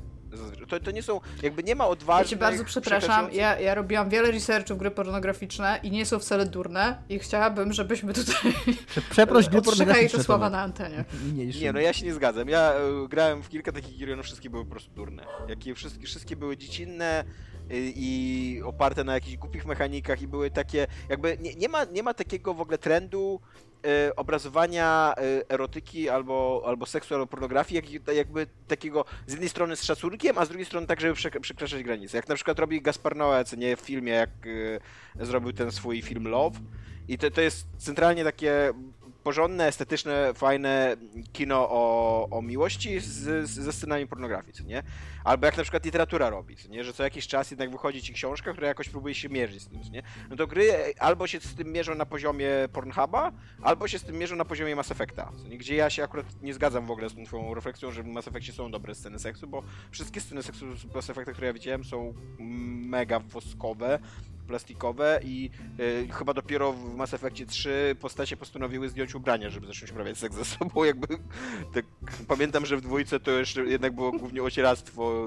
Jak, jak, do, jak doszło się do poziomu bielizny, to już było takie o, w ogóle co nie, ale zaawansowany związek w ogóle to jest. Ja nie mam... Nie, no jest, jest, jest parę gier, tam głównie z rynku japońskiego, które po prostu dają ci e, obyczajową historię, która daje ci możliwości wyboru i e, jakby kierowania związkiem w jakiś konkretny sposób, które biorą i w ogóle na warsztat jakieś rzeczy e, z e, jakby nie powiem, że stricte, ale jakby ocierające się o BDSM, czyli fakt, że ktoś jest taką jakby stroną, która prowadzi ten stosunek, ktoś jest stroną bardzo uległą, gdzie to też ma jakby związek z, ze związkiem, który ty starasz się prowadzić z tym swoim partnerem czy partnerką i gdzie centralnie masz normalny, normalną historię opowiadaną a, no taką dosyć poważnie. I nagle masz tam minigierkę po prostu tam sekso, seksowo albo cutscenkę i potem masz dalszą część historii, który, o którą też ten, w, te, w której ten seks jest w ogóle znaczący, tak? Tam się coś wtedy wydarzyło, więc okej, okay, nie ma tego super dużo, no ale te gry są, no. Znasz jakieś? Znasz jakieś tytuły? Podałabym, ale ten, o którym teraz myślę, uważam, że nie powinniśmy o nim mówić na antenie, dlatego że istnieje w nim jeden wątek, jako że to jest gra japońska, który e, stricte, jeżeli by się zbadało sam tekst, e, taki nie jest, natomiast wizualnie, jeżeli ktoś by chciał na przykład zobaczyć screeny, to ociera się o pedofilię, nie mocno, natomiast ociera się o pedofilię i e, uważam, że jest to jedna z lepiej napisanych gier, ale no nie będę go tutaj reklamować. Ja e, mm, kiedyś usłyszałem na konferencji taką myśl, którą się nawet trochę zgadzam, że zaskakująco spoko, znaczy spoko, nie spoko, ale sensowne sceny seksu ma God of War. E, ten 1, 2, 3, nie wiem czy pamiętacie, ale tam były, za każdym razem były takie minigierki. One, one, są, one są absurdalnie e, takie seksistowskie i absurdalnie takie maczystowskie, ale one mega dobrze pasują do tej gry, pod warunkiem, że za założymy, że twórcy jakby specjalnie robili taką na maksa over the top maczystowską fantazję, którą jest God of War, nie? Jakby tam no jest, tłuczenie gołymi, gołymi pięściami bogów, literalnie, co nie? I tam na śmierć. E, Wyrywanie hydrom oczu. Tak, dokładnie. No i właśnie i w tym, w tym świecie, tak totalnie przyrysowanej maczystowskiej męskości, to, że on tam, um, Kratos zdobywa jakieś, nie pamiętam co tam z niego wyskakuje, jakieś czerwone orby z tego seksu wyskakują, czy coś takiego i, i że, że, to jest, że to jest już takie, taki over the top, tam się dzieje w ogóle takie ruchańsko, że aż kamera się musi odwrócić. I aż schodzą się prostytutki w burdelu i zaczynają komentować i w pewnym momencie dołączają w ogóle. że jakby... Ja jestem tak, też takie, w jakimś takim basenie, że dwie laski się e, to obserwują i aż nie mogą się przestać dotykać. Tak, tak, dokładnie. Właśnie, że no. to jest oczywiście taka głupia... Y infantylna fa fantazja na temat seksu, ale jakby to jest przynajmniej takie, takie przyjęcie, że cała ta głupia, ta, cała ta gra jest głupia i infantylna i maczystowska i że zrobimy też taki seks, nie? że nie będziemy się tutaj y, starali jakoś wy, wyjść z tej poetyki, ale jeżeli chodzi o, o gry, które są sensowne i starają się poważnie traktować e, swoją fabułę i swoje postaci, no to jak absolutnie nie przychodzi mi do, do głowy żadna scena erotyczna, która byłaby do obrony, nie? Mówię tak, ci, przypomnij, też... sobie, przypomnij sobie, bo pamiętam, że rozmawialiśmy wtedy o tym. Jestem prawie pewien, że, że y, szanowałeś również tą... Ja też go słabo pamiętam, bo Wiedźmina 2 bardzo dawno grałem. Ale tam była naprawdę taka, to była scenka, to nie była minigierka. Weź sobie teraz obejrzyj, Tomek. Ale tam muszę, była taka... Muszę sobie, przy... no nie, nie włączę sobie w tle, bo będziemy mieli gorsze połączenie no jasne, wtedy. Jasne, jasne. Ale jest taka naprawdę, taką przynajmniej zapamiętałem, być może jakbym ją teraz obejrzał, to byłbym zażenowany, ale że pamiętam, że wtedy rozmawialiśmy o niej i, i była taka przyjęta ogólnie w naszym towarzystwie konkluzja, że, że to jakby wykraczało poza poziom, e, który znamy z gier. To też być może się wiąże w ogóle fakt, że w, że w takim medium jak gry nie mamy seksu, chociaż tak jak właśnie napisałeś, wydawać by się mogło, że przez to, że jest interaktywne, to pewnie ten seks powinien być i to powinien być lepszy niż w filmach i literaturze. A Ogólnie rozmawianie o seksie i teraz to, co powiem, jest i prawdą, i nieprawdą, bo ciągle jest tabu, ale nie na takiej zasadzie, że seksualizacja czegoś jest tabu, bo cały czas mamy w teledyskach coraz młodsze laski kręcą tyłkami albo ocierają się tam o typach, o, o, o typach tak się mówi po polsku, dziękuję. Mamy coraz więcej w ogóle takiej e, seksualności w cudzysłowie wyzwolonej, ale mamy bardzo mało takiej realnej seksualności, stąd e, takie, ja teraz nie pamiętam, sex.org, to chyba był taki, tylko teraz mogłam podać jakąś stronę pornograficzną, ale o którą mi chodzi, to jest taki projekt, gdzie taka pani e, kręci prawdziwy seks W sensie realnie nie pornograficzny seks, tylko po prostu prawdziwy seks, w którym czasami dochodzi do tego, że sobie rozmawiają ci ludzie, którzy, którzy uprawiają ten seks, właśnie nie wiem, coś jest śmieszne, albo e, nie wiem, nagle ktoś musi wstać i wyjść, albo potem wraca. I to są bardzo nieerotyczne rzeczy, w sensie takie dla, dla widza. Nie, nie kręcone dla widza, tylko kręcone jakby pomiędzy osobami, które w nim uczestniczą to nagle się okazuje, że seks nie, nie jest dokładnie taki, jak my go sobie wyobrażamy w popkulturze, tak? I jaki staramy się sprzedać. I najprawdopodobniej, jeżeli byśmy chcieli mieć naprawdę dojrzały seks, taki z, ze wszystkimi emocjami, które w ogóle uczestniczą w seksie, albo ze wszystkimi e, jakby fantazjami, które jakiś twój bohater albo bohaterka, w którego się wcielasz, chciałaby spełnić, to by po prostu było albo A, nieatrakcyjne, po prostu, albo B, very kinky, na zasadzie, że połowa ludzi by siedziała i tak jak what the fuck is happening? A druga połowa jest w końcu. Ale w ogóle to wiesz, chcia, chciałabym wrócić do 10 sekund temu, kiedy nie wiedziałem, że to istnieje po prostu. Ja w ogóle, y, ja w ogóle jeszcze mam taką myśl, bo ja mam dużo mniej doświadczenia, jeżeli chodzi o takie dzieła, bo nie znam za bardzo takich gier i, i, i, wydaje, i jakby cała moja y, wiedza na temat seksu w grach jest tylko z gier AAA, z gier wysokobudżetowych i z jakichś tam, właściwie za bardzo z indyków nawet nie. I jeżeli no, chodzi Dominik o... Big Game nie, nie, gra w gierki erotyczne. Jeżeli chodzi, o, jeżeli chodzi o gry AAA, no to gry AAA są w tym, jakby, wydaje mi się, że to nie jest problem tylko gier, cała popkultura cała taka popularna, popularna yy, filmowa, ty mówisz, że film jest się z tym, ale tak w filmie sobie z tym paradzono w jakimś tam głębokim w ogóle undergroundzie, albo w jakichś takich przynajmniej, kurna, no, niszowych filmach, może nawet jeżeli to jest, nie jest to głęboki underground. A takie popularne kino masowe dla przeciętnego widza, no to ciągle jest to taka, jest taki rozdźwięk, że, że yy, przyjmuje się nawet ekstremalną brutalność. No to, co się dzieje na przykład niedawno, przypominałem sobie dawno temu w Hollywood, to to, co tam się dzieje pod koniec tego filmu, to jest już tak dosłowna i tak ekstremalna brutalność, że no już niewiele, niewiele więcej da się pokazać w tym temacie. E, pomijając już jakieś faktycznie kurna obcinanie naprawdę rąk ludziom. No. E, a jeżeli chodzi o seks, no to w ogóle jest, jest totalnie, totalnie infantylny. Taki zawsze to jest właśnie, że kamera się odsuwa, jakieś tam, nie wiem, kurtyny się, kurtyny powiewają, czy coś. Ale z, z, jest taka scena w ogóle, taka praktycznie już ikoniczna, jeżeli chodzi o kino po seksie, kiedy leżą, e, tak. tak, że facet jest odkryty tak mniej więcej do pępka, a laska na nim leży, ma tak, żeby jeszcze mieć cycki zakryte jest ciemno, ale nie na tyle ciemno, żebyś nie widział wszystkich szczegółów a, ogólnie pomieszczenia. A przy okazji jeszcze, a przy okazji jeszcze gry yy, nie za bardzo, yy, jeżeli chodzi o pokazywanie szczególnie takich rzeczy popkulturowych, nie za bardzo jeszcze w ogóle mają swój język, więc one tylko kopiują język kina tak naprawdę. Yy, no a skoro mówię, a skoro w kinie też tego nie mamy, no to jakby trudno oczekiwać. Ja bym tylko chciała powiedzieć, że w grze chyba Huni Pop, ona się nazywała, uprawiasz seks y, robiąc match 3 na rzeczach i im lepiej ci idzie, tym masz więcej jęków i ta twoja partnerka y, tam bardziej się rozbiera i opowiada ci o rzeczach. I to też jest w ogóle cał, całkiem fan y, umiejętność jakby, nie wiem czy kogoś wznieca ta gra, natomiast jeżeli tak, to jeżeli stara się coraz szybciej układać te match 3, żeby tam tą y, swoją partnerkę doprowadzić do orgazmu, to, to to bym chciała zobaczyć nagrane, nawet nie tą scenę seksu w grze.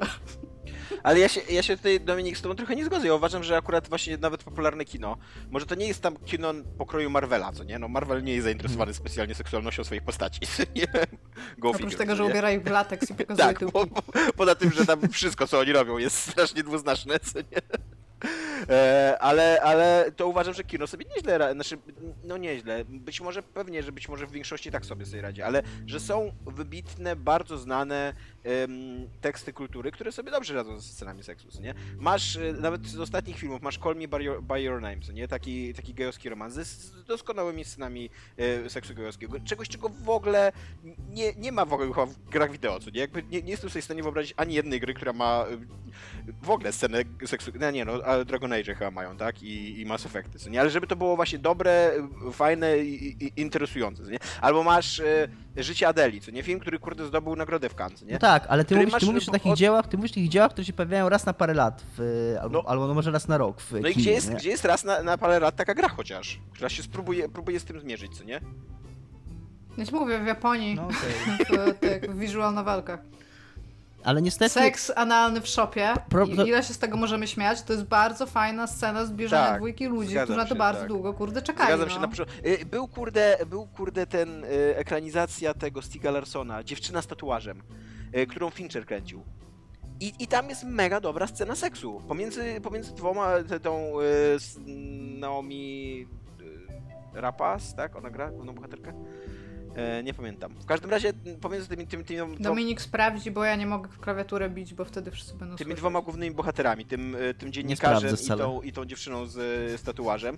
I to, to jest mega dobra, fajna scena seksu w kinie w ogóle totalnie wysokobudżetowym i takim kinie AAA, No. co nie? No w sumie masz rację, w sumie masz rację. Jakoś, wydaje mi się, że to może w takim razie jest po prostu problem tego, że gry w ogóle są strasznie infantylne we wszystkim, y, we wszystkim o czym próbują mówić, więc ogóle, Nie wiem, ale usłyszałam przez moment, że tam jak powiedział, że jest dobra, że w dziewczynie z tatuażem jest dobra scena seksu pomiędzy dziewczyną a tatuażem. Nie.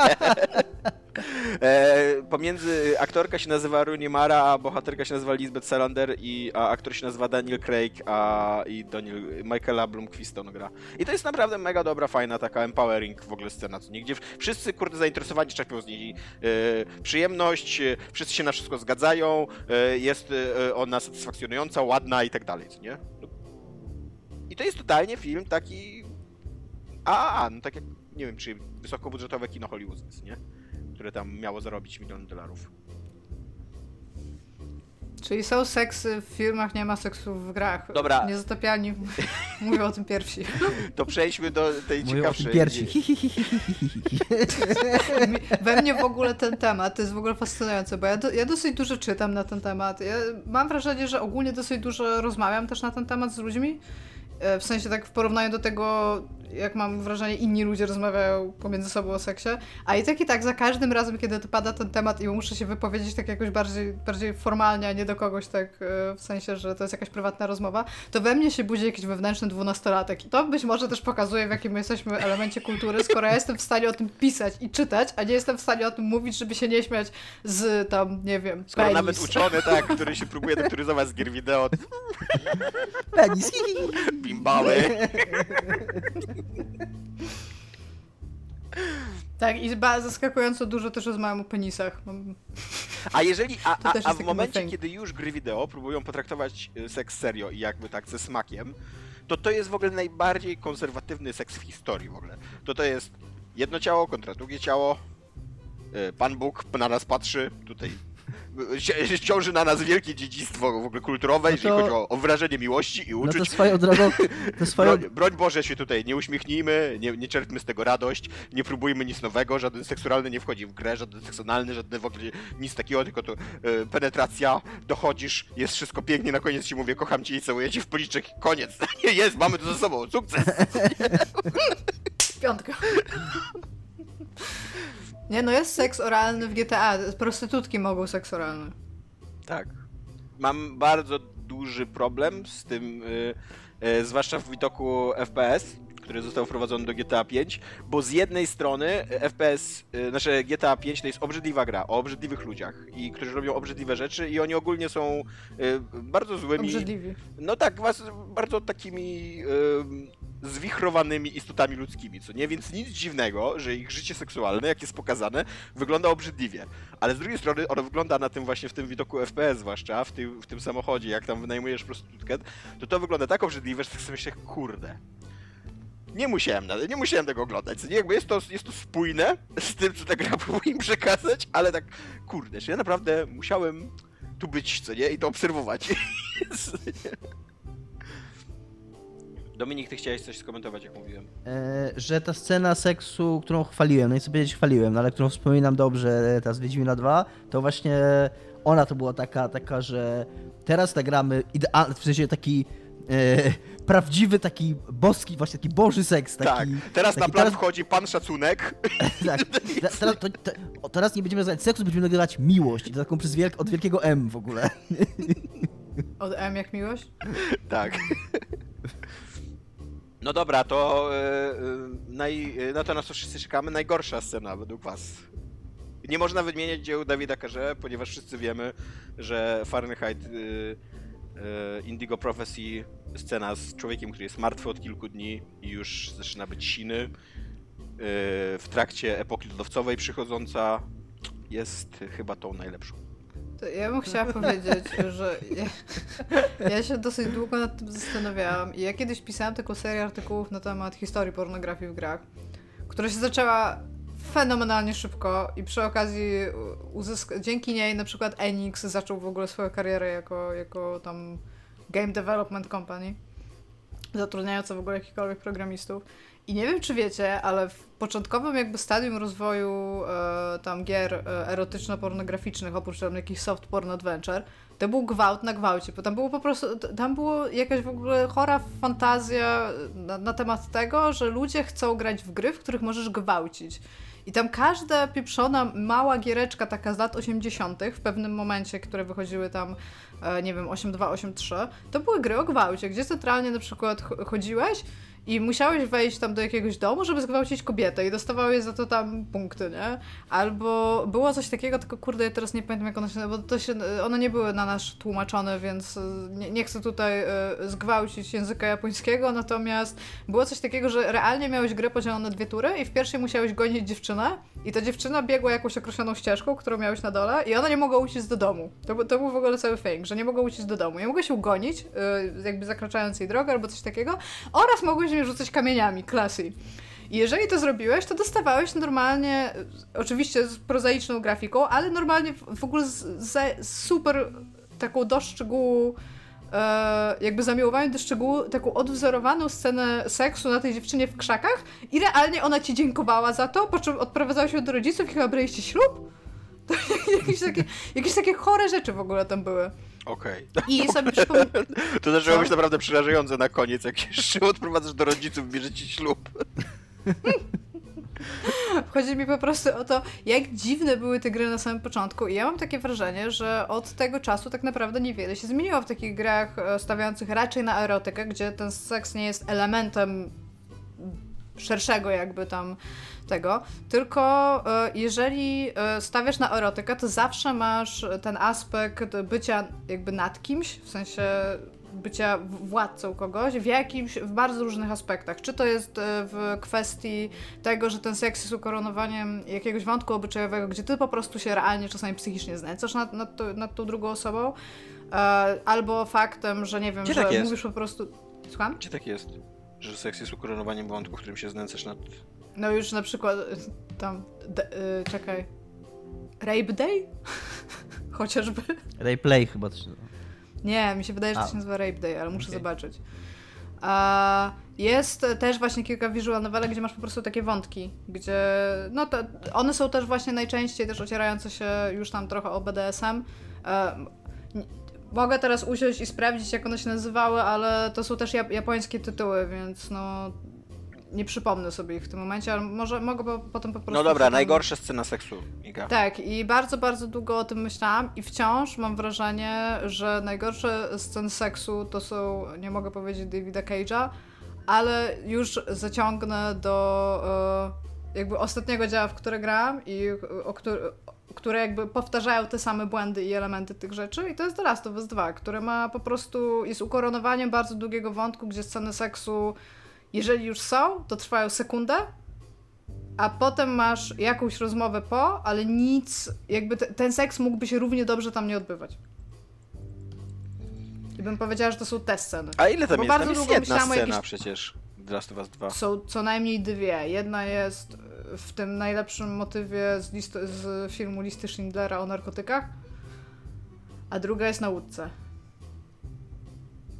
O narkotykach? Nie pamiętam. Nie, nie kojarzę. Ty nawet pewnie nie, od, nie odnotowałeś powie tego nawet jako sceny seksu. Możliwe. No, bo właśnie to jest to, o czym ty mówisz, jak w Mass Effectie. Masz scenę seksu, gdzie dwójka bohaterów lub bohaterek lub bohater z bohaterką, anyway, dwójka lub więcej ludzi, to jest w ogóle też sprawa, że mamy, nie wiem czy jest jakikolwiek film ze sceną seksu, nawet sugerowaną, gdzie jest więcej niż dwójka ludzi. A, znaczy film, e, gra a gdzie masz dwie, y, dwie bohaterki, które są ubrane jeszcze, ale się rozbierają i się o siebie ocierają i potem masz scenę po. To jest tak jak w Star Treku. W starym Star Treku były takie sceny seksu, gdzie tak. zaczynali się całować i kamera robiła takie wup, sufit. cool, nie? Fade in, fade out. No, no i właśnie, i to są takie sceny seksu moim zdaniem zupełnie bez sensu. I to jest moim zdaniem super słabe, bo po co dawać scenę seksu do gry, gdzie ona nie ma zupełnie znaczenia? Zaraz, zaraz po tej scenie. Ta druga scena seksu w tej grze ma jakieś znaczenie. Ona ma wagę potem. Ale ta pierwsza to jest takie. Tam się nic nie musiało stać.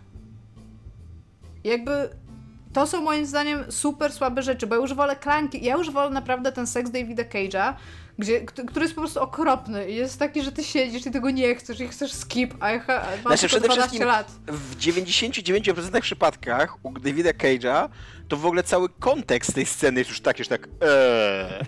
Tak, tak, to, to jest dokładnie moment, w którym chciałabym ja, odbiorca, uprawiać seks. No właśnie. Martwy typ w wagonie. Że tam na, naprawdę teraz? Co nie?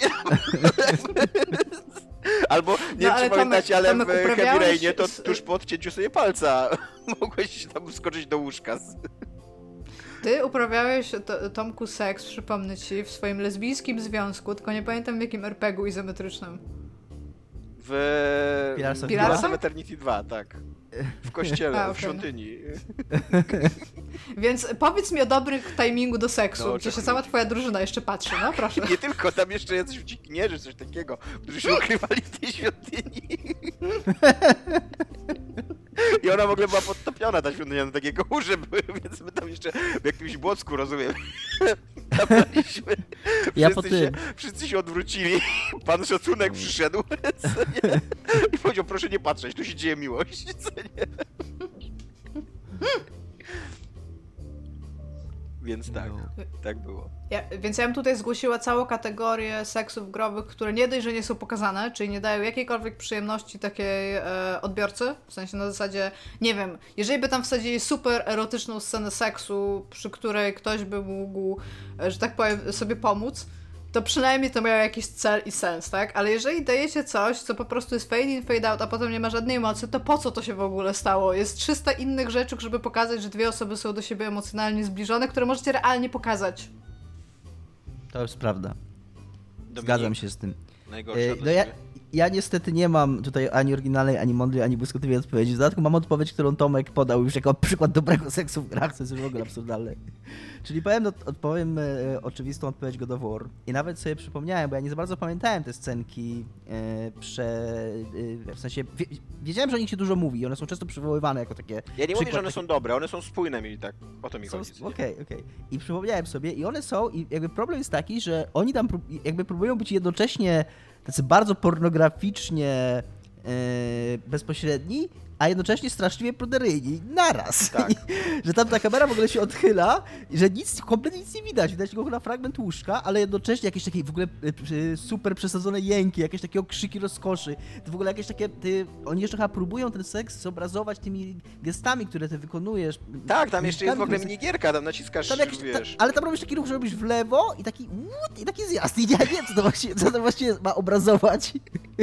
Bo tam takie, tam, takie wygibasy tam robisz. nie było takiej sceny, że jest na tego, e, jak się nazywa, Mannequin Peace? Tego e, takiego ludzika w fontannie, który sika i im lepiej uprawiasz seks, to on ma grubszy strumień tego, tego, tych sików tak, było, wodowych. Było, było A jeżeli źle ci no, idzie, to jest taki, no, taki siurek i te babki robią takie o. To jest dokładnie na to przykład, nie? że to jakby próbuje chwycić dwie sroki za ogon, nie? to próbuje, próbuje być jednocześnie super odważne i jednocześnie takie ekstremalnie odważne i ekstremalnie pruderyjne, nie? że no, to jest tak, to jest tak, tak schizofreniczne, że to jest chyba no jednocześnie charakterystyczne chyba w ogóle dla tego, w jaki sposób e, się obrazuje seks w grach, bo to jest po prostu taki sposób, w jaki o seksie myślą dzieci, no. No nie wiem, czy dzieci myślą o seksie. No ale w sensie nie takie dzieci, które mają tam 5 lat, nie? Tylko powiedzmy takie, które mają 13-14. Tak. Również uważam, że te sceny seksu były słabe, ale w ogóle bo ja byłam na kilku, właśnie tak, tak jak Tomek mówiłeś wcześniej, że na konferencji jakiejś. Ja byłam na kilku, co jest temat seksu w grach, to jest to dla mnie interesujące, bo zawsze myślę, że jakieś, jakieś nowe książki, jakieś nowe myśli może z tego wyciągnę. I tak naprawdę mówi się głównie o tym samym. W ogóle BioWare to, to ma, jeżeli BioWare się nie pojawia na konferencji o seksie w grach w jakikolwiek sposób, albo tam na wykładzie, to to jest super dziwne, bo to jest, to jest w ogóle, to jest, to jest jakby poziom zero seksu w grach. Ale właśnie, właśnie ja jestem gigantyczny, ja, też fakt jest taki, muszę się przyznać, że nie znam wszystkich scen seksu z, z Mass Effecta. Jakby mam lepsze rzeczy do roboty w swoim życiu niż poznanie tych, tych wszystkich scen seksu z Mass Effecta i z, z Dragon Age'a, ale dla mnie to jest w ogle podręcznikowy przykład tego, jak nie obrazować seksu. To jest właśnie ten, y, y, to, to o czym mówiłem, że są dwa dwie woskowe figury, co nie, które i, i, i wchodzi na pan szacunek na plan, co nie, i teraz tutaj y, w obliczu Tak, Boga co, zwykle- będziecie uprawiać zwykle na tych miłość. konferencjach, poza scenami seksu, jeszcze jest bardzo dużo mówione o tym, bo BioWare zrobił ten taki... y, On tego, on tego systemu w ogóle w jakikolwiek sposób nie zrobił. Ten system, który BioWare tak bardzo spopularyzował, czyli mów tej osobie wszystko to, co chce usłyszeć Tak. i dawaj jej prezenty do czasu, aż się z tobą prześpi. To jest system, który był wymyślony już w latach 80. i był używany po prostu w grach, bo uznano, że w taki sposób zdobywa się punkty emocjonalne, że tak powiem, od drugiej osoby i dlatego ona by się chciała z tobą przespać. I to jakby działało przez bardzo długi czas i do teraz jakby mamy pokłosie tego właśnie w takich dużych grach. E, I to też jest bardzo często brane na tapet, na zasadzie, że już samo budowanie związku erotycznego, który ma być, jakby seks ma być jego ukoronowaniem, jeżeli jest zrobione na takich zasadach, no to trudno jest tutaj w ogóle, wiesz, w jakikolwiek sposób zrobić inny seks, tak? No bo jeżeli ty cały czas wybierasz e, odpowiedzi, które mają się spodobać jakby tej, tej twojej tam partnerce, czy temu twojemu partnerowi, no to w takim razie e, nie, nie ma tak naprawdę żadnego stosunku pomiędzy tobą a, a nim, tylko je, jest on w tym seksie jakby, tak? I też fakt, że w pewnym momencie gra pozwala ci, tak? Wygrałeś to, tu jest twoja nagroda, teraz będzie seks dla ciebie. To jakby teraz, czy ty jesteś wygranym i czy ty coś możesz wymusić na tej, znaczy wymusić, jakby przedstawić jakby jakieś swoje fantazje? No niekoniecznie, bo właściwie to cały czas się podkładałeś pod nią, nie? Żeby ona ci dała, ale z drugiej strony ona ma być dla ciebie ta postać nagrodą. I to, to już, t- ten nawet rzecz, żeby w ogóle coś takiego logicznego zrobić jest dziwne, bo wiesz, jakbyś, jakbyśmy zrobili sobie giereczkę e, niezatopialni dwukropek seks i tam by były jakieś postaci, które możesz sobie tam wybierać i to by były dwie, tak jak mówisz, dwie, postać woskowa A i postać woskowa B i by mieli seksy i byś sobie tam wybierał, czy to, są, czy to jest e, homoseksualny seks, czy heteroseksualny seks na przykład. Tylko i wyłącznie takie opcje byśmy mieli. I nagle byś z takich normalnych rozmów typu ta postać mówi, ja lubię kwiatki, co chcesz dać tej postaci? I dajesz jej kwiatka i nagle byś miał jakiś, mówię, kinky shit tam by się działo, który byłby bardzo erotycznie, fajnie rozwiązany, to to by nie miało w ogóle żadnego sensu w kontekście. To by wyglądało jakbyśmy chcieli zrobić sobie kinky seks grę, a nie potrafili jej napisać, no. Trudna sprawa. e, Ja mogę powiedzieć o swojej jeszcze, najgorszej, e, ponieważ długo, dużo myślałem nad tym. Ja w ogóle uważam, że 99% to są najgorsze sceny seksu, ale tak jak sobie wspomniałem, to wybitnie na pierwszy e, plan, na pierwsze miejsce przybija się dla mnie zakończenie Fira 2.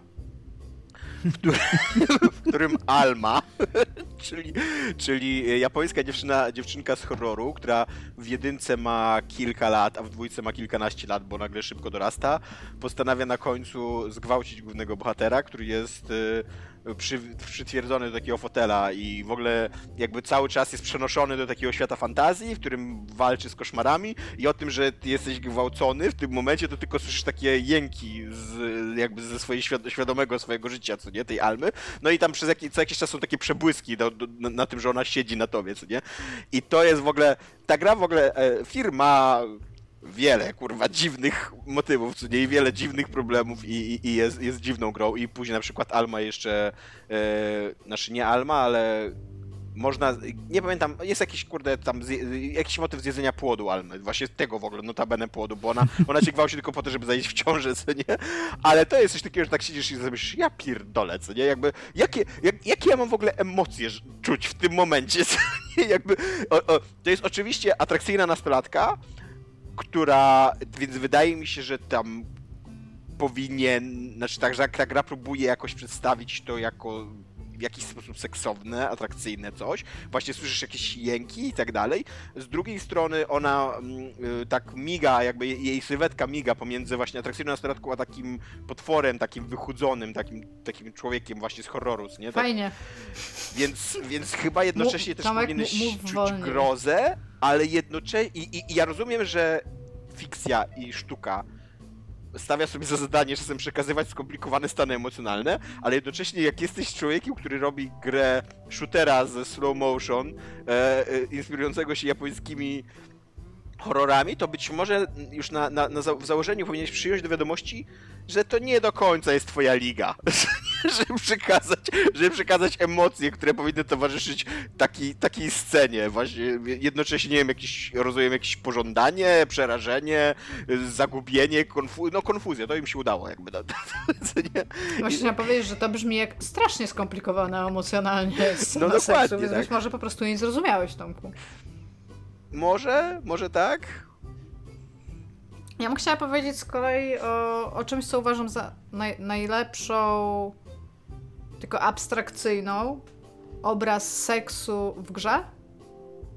I oczywiście, że tutaj wyjdę do tak totalnej niszy, bo tylko tam to się mogło stać. To się nazywa Le Petit Muert, ma, mały, mała śmierć, która też orgazm jest tak nazywany, więc to jest gra stricte o orgazmie, e, która jest gierką e, ona wychodziła na wszystkie urządzenia, które miały ekran dotykowy przez moment, bo to było ważne, po prostu, że to jest haptyczna gra. I tam się odbywa coś takiego, że jesteś w bardzo abstrakcyjnym tunelu, który cały czas jakby idziesz do przodu. Masz taki widok po prostu takiego tunelu i musisz dotykać tego tunelu. I zaczynają się dziać, muzyka się zmienia, zaczynają e, takie jakby abstrakcyjne kształty wyrastać na tym tunelu, takie różne barwy się zaczynają robić, jakieś ten. I to ma obrazować orgazm. I jakby to jest bardzo abstrakcyjne, tak jak wam powiedziałam. Tam się nie za wiele, e, nie za wiele poza tym dzieje, poza tym, że wiadomo, że jakby klimat jest bardzo erotyczny w taki sposób, jak tylko abstrakcyjna gra może być erotyczna. I e, jakby jeżeli dajesz, bo na przykład na telefonie możesz to ugramiać, jeżeli to komuś dajesz i mówisz, ej weź to pograj chwilę i dajesz mu na przykład słuchawki, to widać zażenowanie trochę na, na twarzach osób co ewidentnie pokazuje, że oni wiedzą, w sensie, że bardzo świadoma jest decyzja twórców. Natomiast e, jest to właśnie moim zdaniem też przy okazji jakby najlepsze przedstawienie jakiegokolwiek takiego tematu seksualnego w grach, dla, dlatego, że to jest bardzo trudny temat do przedstawienia i to, że on jest tak abstrakcyjny i tak mało tak naprawdę ma związku z seksem. I to być może pokazuje, jak trudny jest w ogóle stosunek płciowy pomiędzy dwójką ludzi, który może być bardzo znaczący, bardzo nieznaczący, yy, krzywdzący, ale też jakiś tam wspierający i ma mnóstwo w ogóle wachlarza emocjonalnego, które może przekazywać, jak trudno jest w ogóle coś takiego uchwycić, żeby to miało sens. I poza tym, jeżeli my nie jesteśmy w stanie zbudować jako medium jakiegoś stricte dojrzałego związku emocjonalnego pomiędzy dwójką ludzi w taki sposób, żeby odbiorca jako trzecia osoba na przykład mógł, mogła w nim uczestniczyć pomiędzy dwójką bohaterów, nie bohaterem, w którego wciela się grać, tylko jakiegoś napisanego bohatera, plus jakaś inna osoba i napisać to w taki sposób, żebyś ty jako odbiorca chciał, żeby oni w ogóle się ze sobą połączyli, a potem jeszcze siedzieć i wiedzieć o tym, że to się dzieje i mieć to na ekranie, no to my musimy zrobić trzy kroki wstecz i najpierw się nauczyć tego pierwszego, żeby to drugie miało sens. Albo z drugiej strony nauczyć się obrazować z stosunek płciowy dwójki osób, który jest po prostu tylko tym. Bo tak też można zrobić, ale to jest, to jest bardzo trudne. Więc to jest skończenie mojej myśli. No dobra, a przejdźmy teraz do tematu trochę mniej yy, heheszkowego. Dla Igi przynajmniej, mam nadzieję. Chociaż nie, jeszcze nie przejdźmy. Jeszcze jest problematyka, kluczowa problematyka. Eee, gameplay, seks a gameplay. Czy da się w ogóle i czy kiedykolwiek, znaczy to, że kiedykolwiek, to już wiemy, że nie, co nie? Ale czy uważacie, że da się w ogóle za pomocą gameplayu, mechanik typowo growych yy, zobrazować taką, taką scenę? I czy to jest dobre, żeby próbować? Ja myślę, że to jest dobre, żeby próbować, dlatego że wtedy być może jakoś się uda. Dobrze by było, jeżeli osoba, która chciałaby to zrobić, miałaby już wizję na początku, a nie czerpała tę wizję z innych gier, bo tam się to nie udało z pewnie bardzo prostych powodów, do których jak tylko dojdziemy do pierwszego dobrego przedstawienia, to automatycznie dojdziemy. będzie wiadomo, do czego się nie udawało. No, dojdziemy. I e, czy gameplay podczas. Y, nawet takich gier, które są nastawione stricte pod to, żeby, żeby być grami o seksie, tak? Takich pornograficznych po prostu gier. E, ma taki problem, że on jest. Po, jak to czynności seksualne, on jest powtarzalny. On jest powtarzalny w kółko i w kółko i w kółko i w kółko do czasu, aż po prostu albo się nie przechodzi do jakiejś innej pozycji najczęściej, albo e, partner lub partnerka szczytuje bo to jest tylko tyle, nic więcej tam nie wymyślili, nie? I tutaj znowu, tutaj by się trzeba było zastanowić, czy ten seks będzie się odbywał w kontekście, bo jeżeli się będzie odbywał w kontekście, to być może da się tam wprowadzić po prostu trochę więcej czynności, które można wykonywać. Jeżeli to będzie seks po prostu, jako seks, to też trzeba się zastanowić, e, czy on ma jakby w, w, głęb, w głębszym. czy ma jakieś głębsze znaczenie, tak? W sensie dla, dla całości pokazanej historii. Bo e, jeżeli to jest po prostu scena seksualna, to tam go bananas. Możesz sobie z tego platformówkę zrobić w jakiś sposób, jeżeli chcesz. Ale jeżeli to ma być coś, co tak jak rozkminiamy jakby w całości, żeby to było dobre, poważne dzieło, które przy okazji będzie miało w sobie scenę seksualną, no to trzeba by było zrobić na tyle duży fundament pod tą scenę seksualną, żeby te czynności, które podczas jej wykonujesz, miały sens. No właśnie, mi, mi w ogóle trudno sobie wyobrazić, co by trzeba było robić na tym padzie albo klawiaturze, żeby to miało sens. No to ja może ci powiem, była taka książka chyba jakaś taka fantastyka dla nastolatków. I tam, tam w ogóle była taka mniej więcej scena seksu, jak jest zwykle w grach, z tego co pamiętam, że było już bardziej, powiedziane... ci przerwę, już bardziej widzę właśnie tak, jak mówiłaś o visual novel, że wybieranie konkretnych opcji dialogowych, to, to jest coś, co by mi chyba najbardziej pasowało, co nie? Nie, ale da, daj mi ci położyć jakiś kontekst pod to, dobra? O co mi chodzi? I mówię, jest e, książka Bigla... E, to jest, takie, taka fantastyka właśnie dla nastolatków, gdzie seks jest przedstawiony tak mniej więcej jak w Star Treku wiesz, że będzie seks, kamera odjeżdża i mieli seks, tak? Mhm. Ale co tam jest tak ważne... Tak się dzieje, tak, tak, tak bywa w życiu, no. Czasami tak bywa, jak jest dużo alkoholu, to mniej więcej tak bywa w życiu na przykład. Ale anyway, co jest ważne, e, to tam e, jakby postaci, które ten seks uprawiają, to o czym myślę, to się chyba nazywa Olbrzymie Kości, to jest chyba tom opowiadań.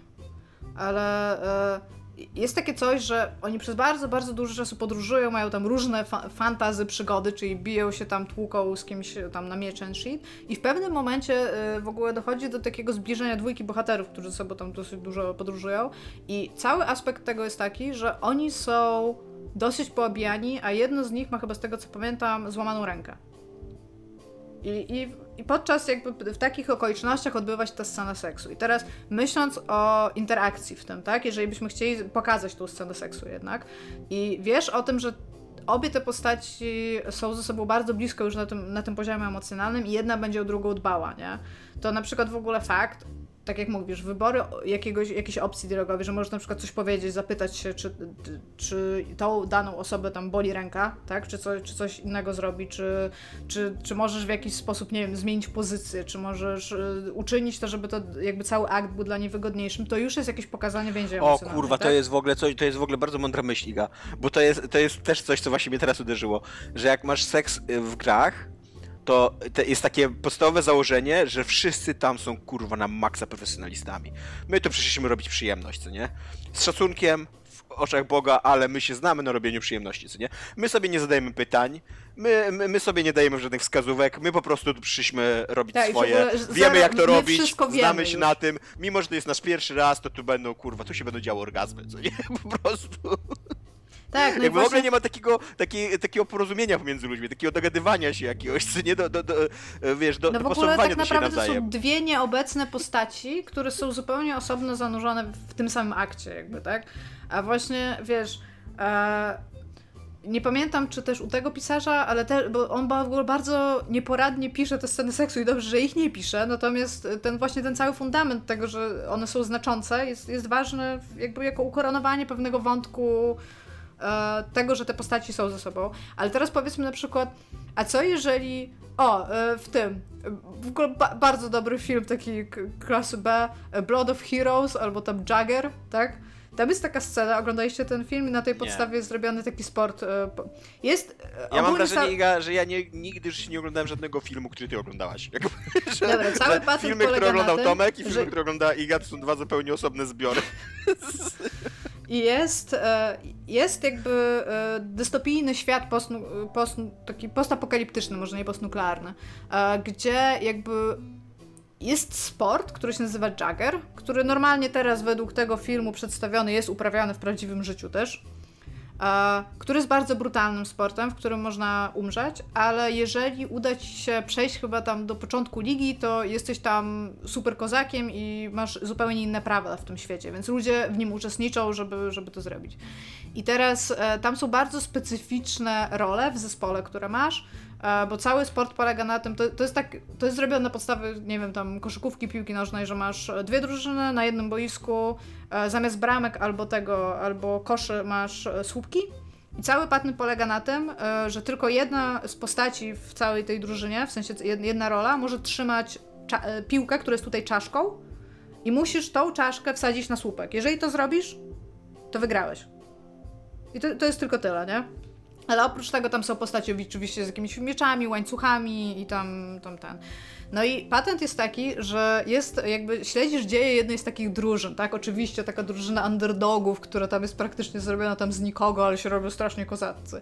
I w pewnym momencie e, jakby e, ta, ta postać, która może tą czaszkę tam e, zatknąć, nazywa się Quick. W sensie funkcja tej postaci, tak jak obrońca, to jest Quick. I jakby Quickiem zostaje taka laska i ona się jakby ma seks z typem po tym meczu. I oni są super obolali, w sensie oni są naprawdę totalnie poturbowani. jest pokazany w, ty, w tym filmie, jak oni starają się uprawiać seks, ale co, starają, co są w jakiejś pozycji, to ich to boli. Jednego albo drugiego, znaczy jedną albo drugiego, bo to jest heteroseksualny seks. I przychodzi ich kapitan i się tak na nich patrzy, jak oni uprawiają ten seks i mówi, czy nie wiecie, że po Jaggerze nie można po prostu uprawiać seksu, nie? I na przykład to jest Czyli, że bardzo to, to był literalnie pan szacunek, który wszedł do pokoju. Tak, ale o, o, co chodzi? To, to jest, nie, bo on to mówi jeszcze, on, oni są tacy trochę pijani, oni świętują, więc to jest taki typ, który przychodzi i z doświadczenia ruchacza po Jaggerze wie, że nie ma ruchania po Jaggerze, na takiej zasadzie. To jest takie trochę rubaszna scena. No i jakby to też jest w ogóle a thing. A co jeżeli seks jest dla nich przyjemny, ale on nie wychodzi. Po prostu jest jakiś, jest jakiś motyw, który. I to też w ogóle nie jest coś, co jest brane pod uwagę w grach. Nie ma czegoś takiego, że przychodzi ze sobą dwójka ludzi, których ty jako odbiorca chcesz, żeby totalnie teraz ze sobą spółkowali i o Jezu, ja, ale będzie fajnie. I oni kurde tak. No i tam dobrze się bawią, mają dobry stosunek emocjonalny pomiędzy sobą, no ale seks im nie wychodzi do końca. No, no i co? Jakby można tym razem, no ale I jakby to też jest normalna rzecz, której w ogóle nie ma w, w, grach. Nie, nie ma czegoś takiego. Jest seks i seks jest od razu pum, fajerwerki. Zapomniałam, jakie było pytanie. Nie, nie było pytania jeszcze. ja po prostu zaczęłam mówić. Dobra, to przejdźmy do tego kontekstu. Yy, czyli tak, yy, miłość. Czy, czy macie w ogóle jakiś yy, związek z gier wideo, który lubicie i który wydaje wam się wiarygodny ja mam zawsze, Miałam zawsze tą samą odpowiedź na pytanie i to jest właściwa odpowiedź. Jest tu... Tutaj y, chciałem przyznać, że po tym pytaniu dałem taki dopisek, starajmy się nie iść na łatwiznę. Trudno, ja postanowiłem zignorować ten dopisek. Jest to Markus Phoenix i Dom. E, I w ogóle uważam, że... Co? To nie jest w ogóle to, co myślałam, że powiesz. E, I uważam w ogóle, że szczególnie o tym pomyślałem, jak Tomek mówił, że nie ma w ogóle gejowskiego e, seksu w grach, że w ogóle Gears of War byłoby, zyskałoby bardzo, bardzo dużo, bo ta cała seria, ona jest taka bardzo homoerotyczna, taka na takim wizualnym poziomie, że ona zyskałaby bardzo dużo, jakby ona stała, stała się otwarcie homoerotyczna. Gdyby, gdyby tam faktycznie był taki motyw, że tam jakiś seks gejowski między nimi dzieje. No kurde, Markus Phoenix nazywa swojego syna po, do, po drugim, drugie imię JD, to jest Dominik, po, po, tym jak tam Dominik ginie w drugiej części. I jakby ta ich relacja, ta zażyłość między nimi jest tak silna, a jednocześnie jest jak na głupie gry o klockach, które się strzelają z, z szarańczą, ona jest tak w dosyć taki subtelny sposób y, przekazywana graczowi. I tam się coś musiało wydarzyć w jakimś, w jakimś może, nie wiem, może w tym brzuchu tej ryby, tam jak tam siedzieli zamknięci, y, czy to była ryba, czy to był no coś ich tam byli w każdym razie. W... Tak, coś ich połknęło. Była taka biblijna historia w stylu tak. Lewiatana tam, że coś ich połknęło i oni się musieli wyrżnąć piłą mechaniczną na, drugi stro na drugą tak. stronę tego czegoś. Jak w Biblii. Jest tam, jest... Tak, dokładnie. Jest, jest jakiś taki kurna podtekst y, w tej serii i uważam, że y, raz, że byłoby to po prostu ciekawe, y, a dwa, że reakcje graczy, chciałbym widzieć reakcje graczy, którzy po dwóch częściach strzelalki a, a, a o twardych facetach, którzy zabijają i rzucają kurę one-linery, żeby e, Markus Phoenix się pocałował z domem po prostu i, i chociażby tyle, nie? I to by było, to by było po prostu cudowne. Tak, to prawda. Iga? Teraz jak chcesz pomyśleć, to ja mogę powiedzieć. Nie, no bo w sensie ja mam odpowiedź, która. bo to jest pytanie o związek i naprawdę bardzo długo myślałam o tym, jaki związek mi się ostatnio. W ogóle tak pomyślałam, dobra, nie idziemy na łatwiznę, nie mówimy o Red Strings Club, powiedziałam o Red Strings, o Red Strings Club w tym momencie. I bardzo, bardzo długo myślałam i wiesz, co mi się super podobało? Podobają mi się oba związki pokazane w Big Ocean White Jacket. Związek pierwszej tak. miłości i związek małżeństwa, które po prostu, które po prostu normalnie ze sobą jest. Widzisz, że mają jakiś konflikt, ale wszystko jest okej okay na końcu. Nawet nie to, że się godzą w jakiś tam bardzo dramatyczny sposób. Po prostu są na siebie przez moment obrażeni, z czego tam, co wywnioskowałam i wszystko jest okej. Okay. A przy okazji masz do kontrastu takie zupełnie nowe uczucie dwójki bardzo młodych ludzi, którzy się pierwszy raz tam całują i które w ogóle oni nie wiedzą, co oni robią. I to jest wszystko tak kochane i słodkie. I oni się starają naśladować tych starszych osób, które też, jak się okazuje, też nie są jakimiś super ekspertami właśnie we wszystkim. I gdzie jest normalna rozmowa o seksie, taka, gdzie nikt nie jest w 100% w porządku z tym, że ta rozmowa jest i nie wie, czego chce w ogóle od tej rozmowy. Tak. I naprawdę, jak o tym pomyślałam, to, to, to, to są chyba z takich ostatnich gier, o jakich myślę, w jakich gram, to to jest mega dobrze zrobione, dlatego, że jest tego po prostu tak mało i to już nawet nie stricte w grach, ale w ogóle to, w jaki sposób to jest pokazane, tego jest mało w kulturze. Więc to jest moja odpowiedź. Ale tak, dlatego, że nie mogę mówić o Red Strings Club. No, przykro mi, tak. E, ja z, też, żeby naszego embarga nie naruszać, to wybrałem taką grę, której, której nie jestem wielkim fanem, ale podoba mi się, jak jest przedstawiony tam związek, czyli Uncharted 4 który poza tym problemem, który ma wszystkie gry Naughty Dog, czyli tam budowanie relacji między ludźmi poprzez zabijanie innych ludzi, ale to Czekaj, poza wy tym... tak nie robicie? Nie. Ale to poza tym ma taki wstęp, który się dzieje pomiędzy Nathanem i Eleną, gdzie oni są po prostu przedstawieni jako taki normalny związek. Jeszcze zanim, zanim pójdą na tą wyprawę, żeby zabijać ludzi, to po prostu siedzą w domu, gadają ze sobą, przyzrzeźniają się, spędzają... I, i, i jest to zrobione tak, bo ten jakby... Y, Naughty Dog ma takich pisarzy, scenarzystów, którzy potrafią pisać takie małe, takie małe urocze scenki, nie? Takie mhm. slice of life no właśnie. tak, tak, jak najbardziej. Tak, i, i właśnie i to, jest, to jest zrobione tak, że autentycznie oglądałem to i sobie myślałem, okej, okay, to jest dwoje ludzi, którzy, którzy się lubią, którzy lubią spędzać ze sobą czas i jest to e, przekonujące, że oni spędzą, znaczy przynajmniej próbują spędzić ze sobą resztę życia i że próbują zbudować związek, który będzie tam trwał po 30 lat na przykład, co nie? Oparty bo, na zabijaniu, jak każdy bo, zdrowy tak, związek. bo też w ogóle, w ogóle wielkim problemem e, e w ogóle popkultury jest przekonanie, że wieloletni związek da się zbudować na krótkotrwałej wielkiej namiętności, która wybucha w piątek, a w niedzielę już idziemy do ślubu, co nie? I obiecujemy sobie miłość do, do, do końca życia, co nie? Więc, e, więc tak, więc to, to, jest, e, to jest miłość, która mi się podoba w Uncharted 4. Nigdy się nie Jak spodziewałem, że to powiem, ale tak jest. Jak się nazywa ten film o tym, że jest bomba w autobusie i on nie może zwolnić? Speed. Dobra, to tam jest taki tekst, że wiesz, tak. że nie można budować związku na emocjach i Laska mówi w takim razie my zbudujemy nasz związek na seksie. tak, bo I się całują. To jest taki film, który z jednej strony jest bardzo świadomy tego głupoty tego tropu, takiego właśnie budowania poważnego związku na krótkotrwałych emocjach, ale z drugiej strony jest to jednak film hollywoodzki, więc koniec końców tak po prostu to robią. Ej, ale w sumie to ten trop, e, pamiętacie Firewatch? Pamiętacie Firewatch? Bo tam jest taki właśnie trop na temat tego, że typ się przywiązuje tak naprawdę do, w cudzysłowie, do pierwszej lepszej osoby, która wykazuje mu tam jakieś jakąś taką ciepłą emocję i jest tam z nim pomimo faktu, że nie jest tak naprawdę stricte z nim. I to się właśnie tak kończy na zasadzie, że nie powiem jak, ale nie kończy się tak, jakbyśmy chcieli, żeby się skończyło jakby jako odbiorca, powiedzmy. Albo być może kończy się dokładnie tak, jakbyśmy chcieli, bo jest tam droga też, żeby tak było. I jakby to jest takie... Mm, to jest taka dyskusja na temat tego tropu. Tak, to prawda. No dobra, no to ostatnie pytanko na szybko. To samo co yy, o mechanice. To tutaj, czy, czy istnieje jakaś gra, która mechanicznie, gameplayowo, fajne ma podejście do obrazowania związku i budowania związku, albo dbania o związku? Znacie coś takiego? Albo macie jakiś pomysł, jak można by było coś takiego zbudować, przekazać, zaprojektować? Ty masz. Ja nie mam, absolutnie. Masz. Właśnie.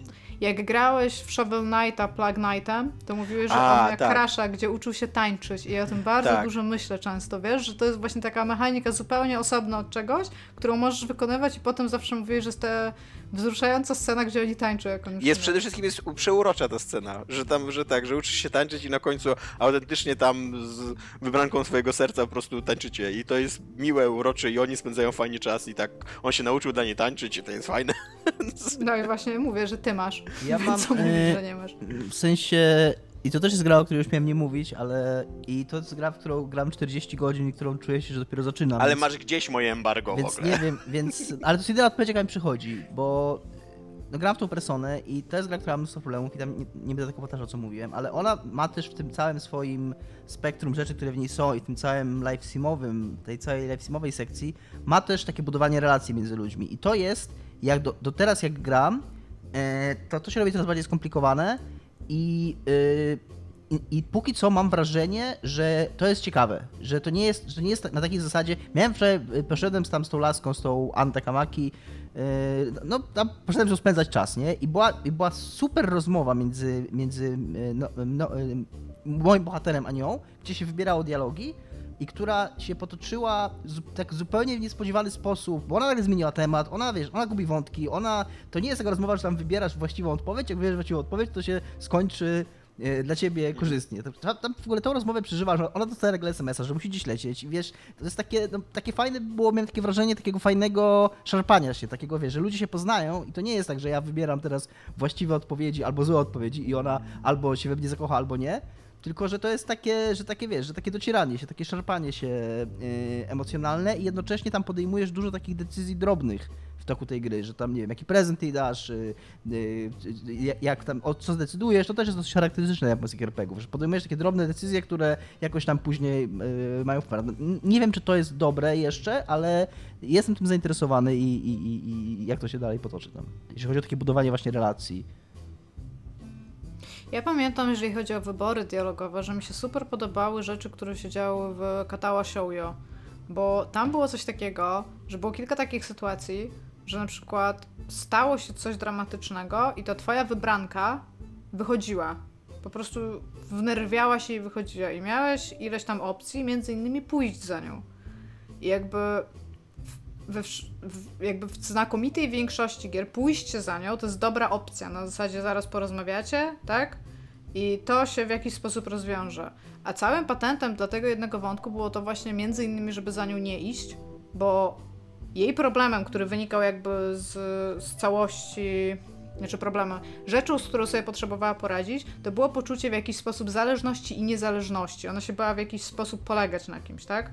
Ale też chciała się czuć jakby indywidua- indywidualną osobą, która jak się wnerwi, to ma sobie szansę gdzieś pójść i mieć jakby w nosie resztę, tak? I jakby jak ty za, nią poszedłeś, jako ta postać, którą grałeś, to jest, to jest akurat chłopak tam, to, to się źle kończyło. To się nie kończyło źle od razu, natomiast w jakiś sposób to takie ziarno zasiewało, że ty jesteś taki bardzo starający się nią władać w jakiś tam sposób jednak, że skoro ty za nią wyszedłeś, bo chciałeś, żeby ona się uspokoiła, żeby ona natychmiast wróciła i tam whatnot, to ona przestawała ci ufać z czasem i nie podobał jej się, nie podobał jej się ten związek. I takie rzeczy są ważne na przykład w budowaniu relacji, ale do tego musisz mieć bardzo trójwymiarowo napisaną postać, co jest w ogóle bardzo trudne, jeżeli chodzi o to, jeżeli masz zupełnie inne mechanizmy dookoła i nagle masz w ogóle bardzo to bardzo poważnie zbudowaną postać i wątek obyczajowy, to myślę, że to może nie zażreć w bardzo wielu grach, po prostu dlatego, że nikt tego nie weźmie pod uwagę w tym.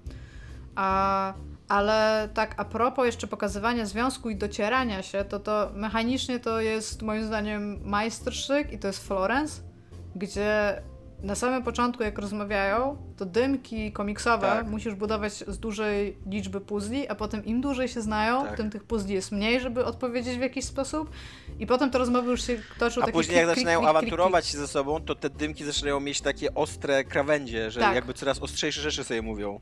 Mhm. Tak, to, Tak, no, to i, jest w i ogóle też w ogóle coraz, co, coraz e, bardzo szybko już zaczynasz e, składać, e, jak, jak się kłócą, to że Tak. ta, to ty masz. I tam, żeby on, żebyś ty więcej niż on, nie? Żebyś powiedział.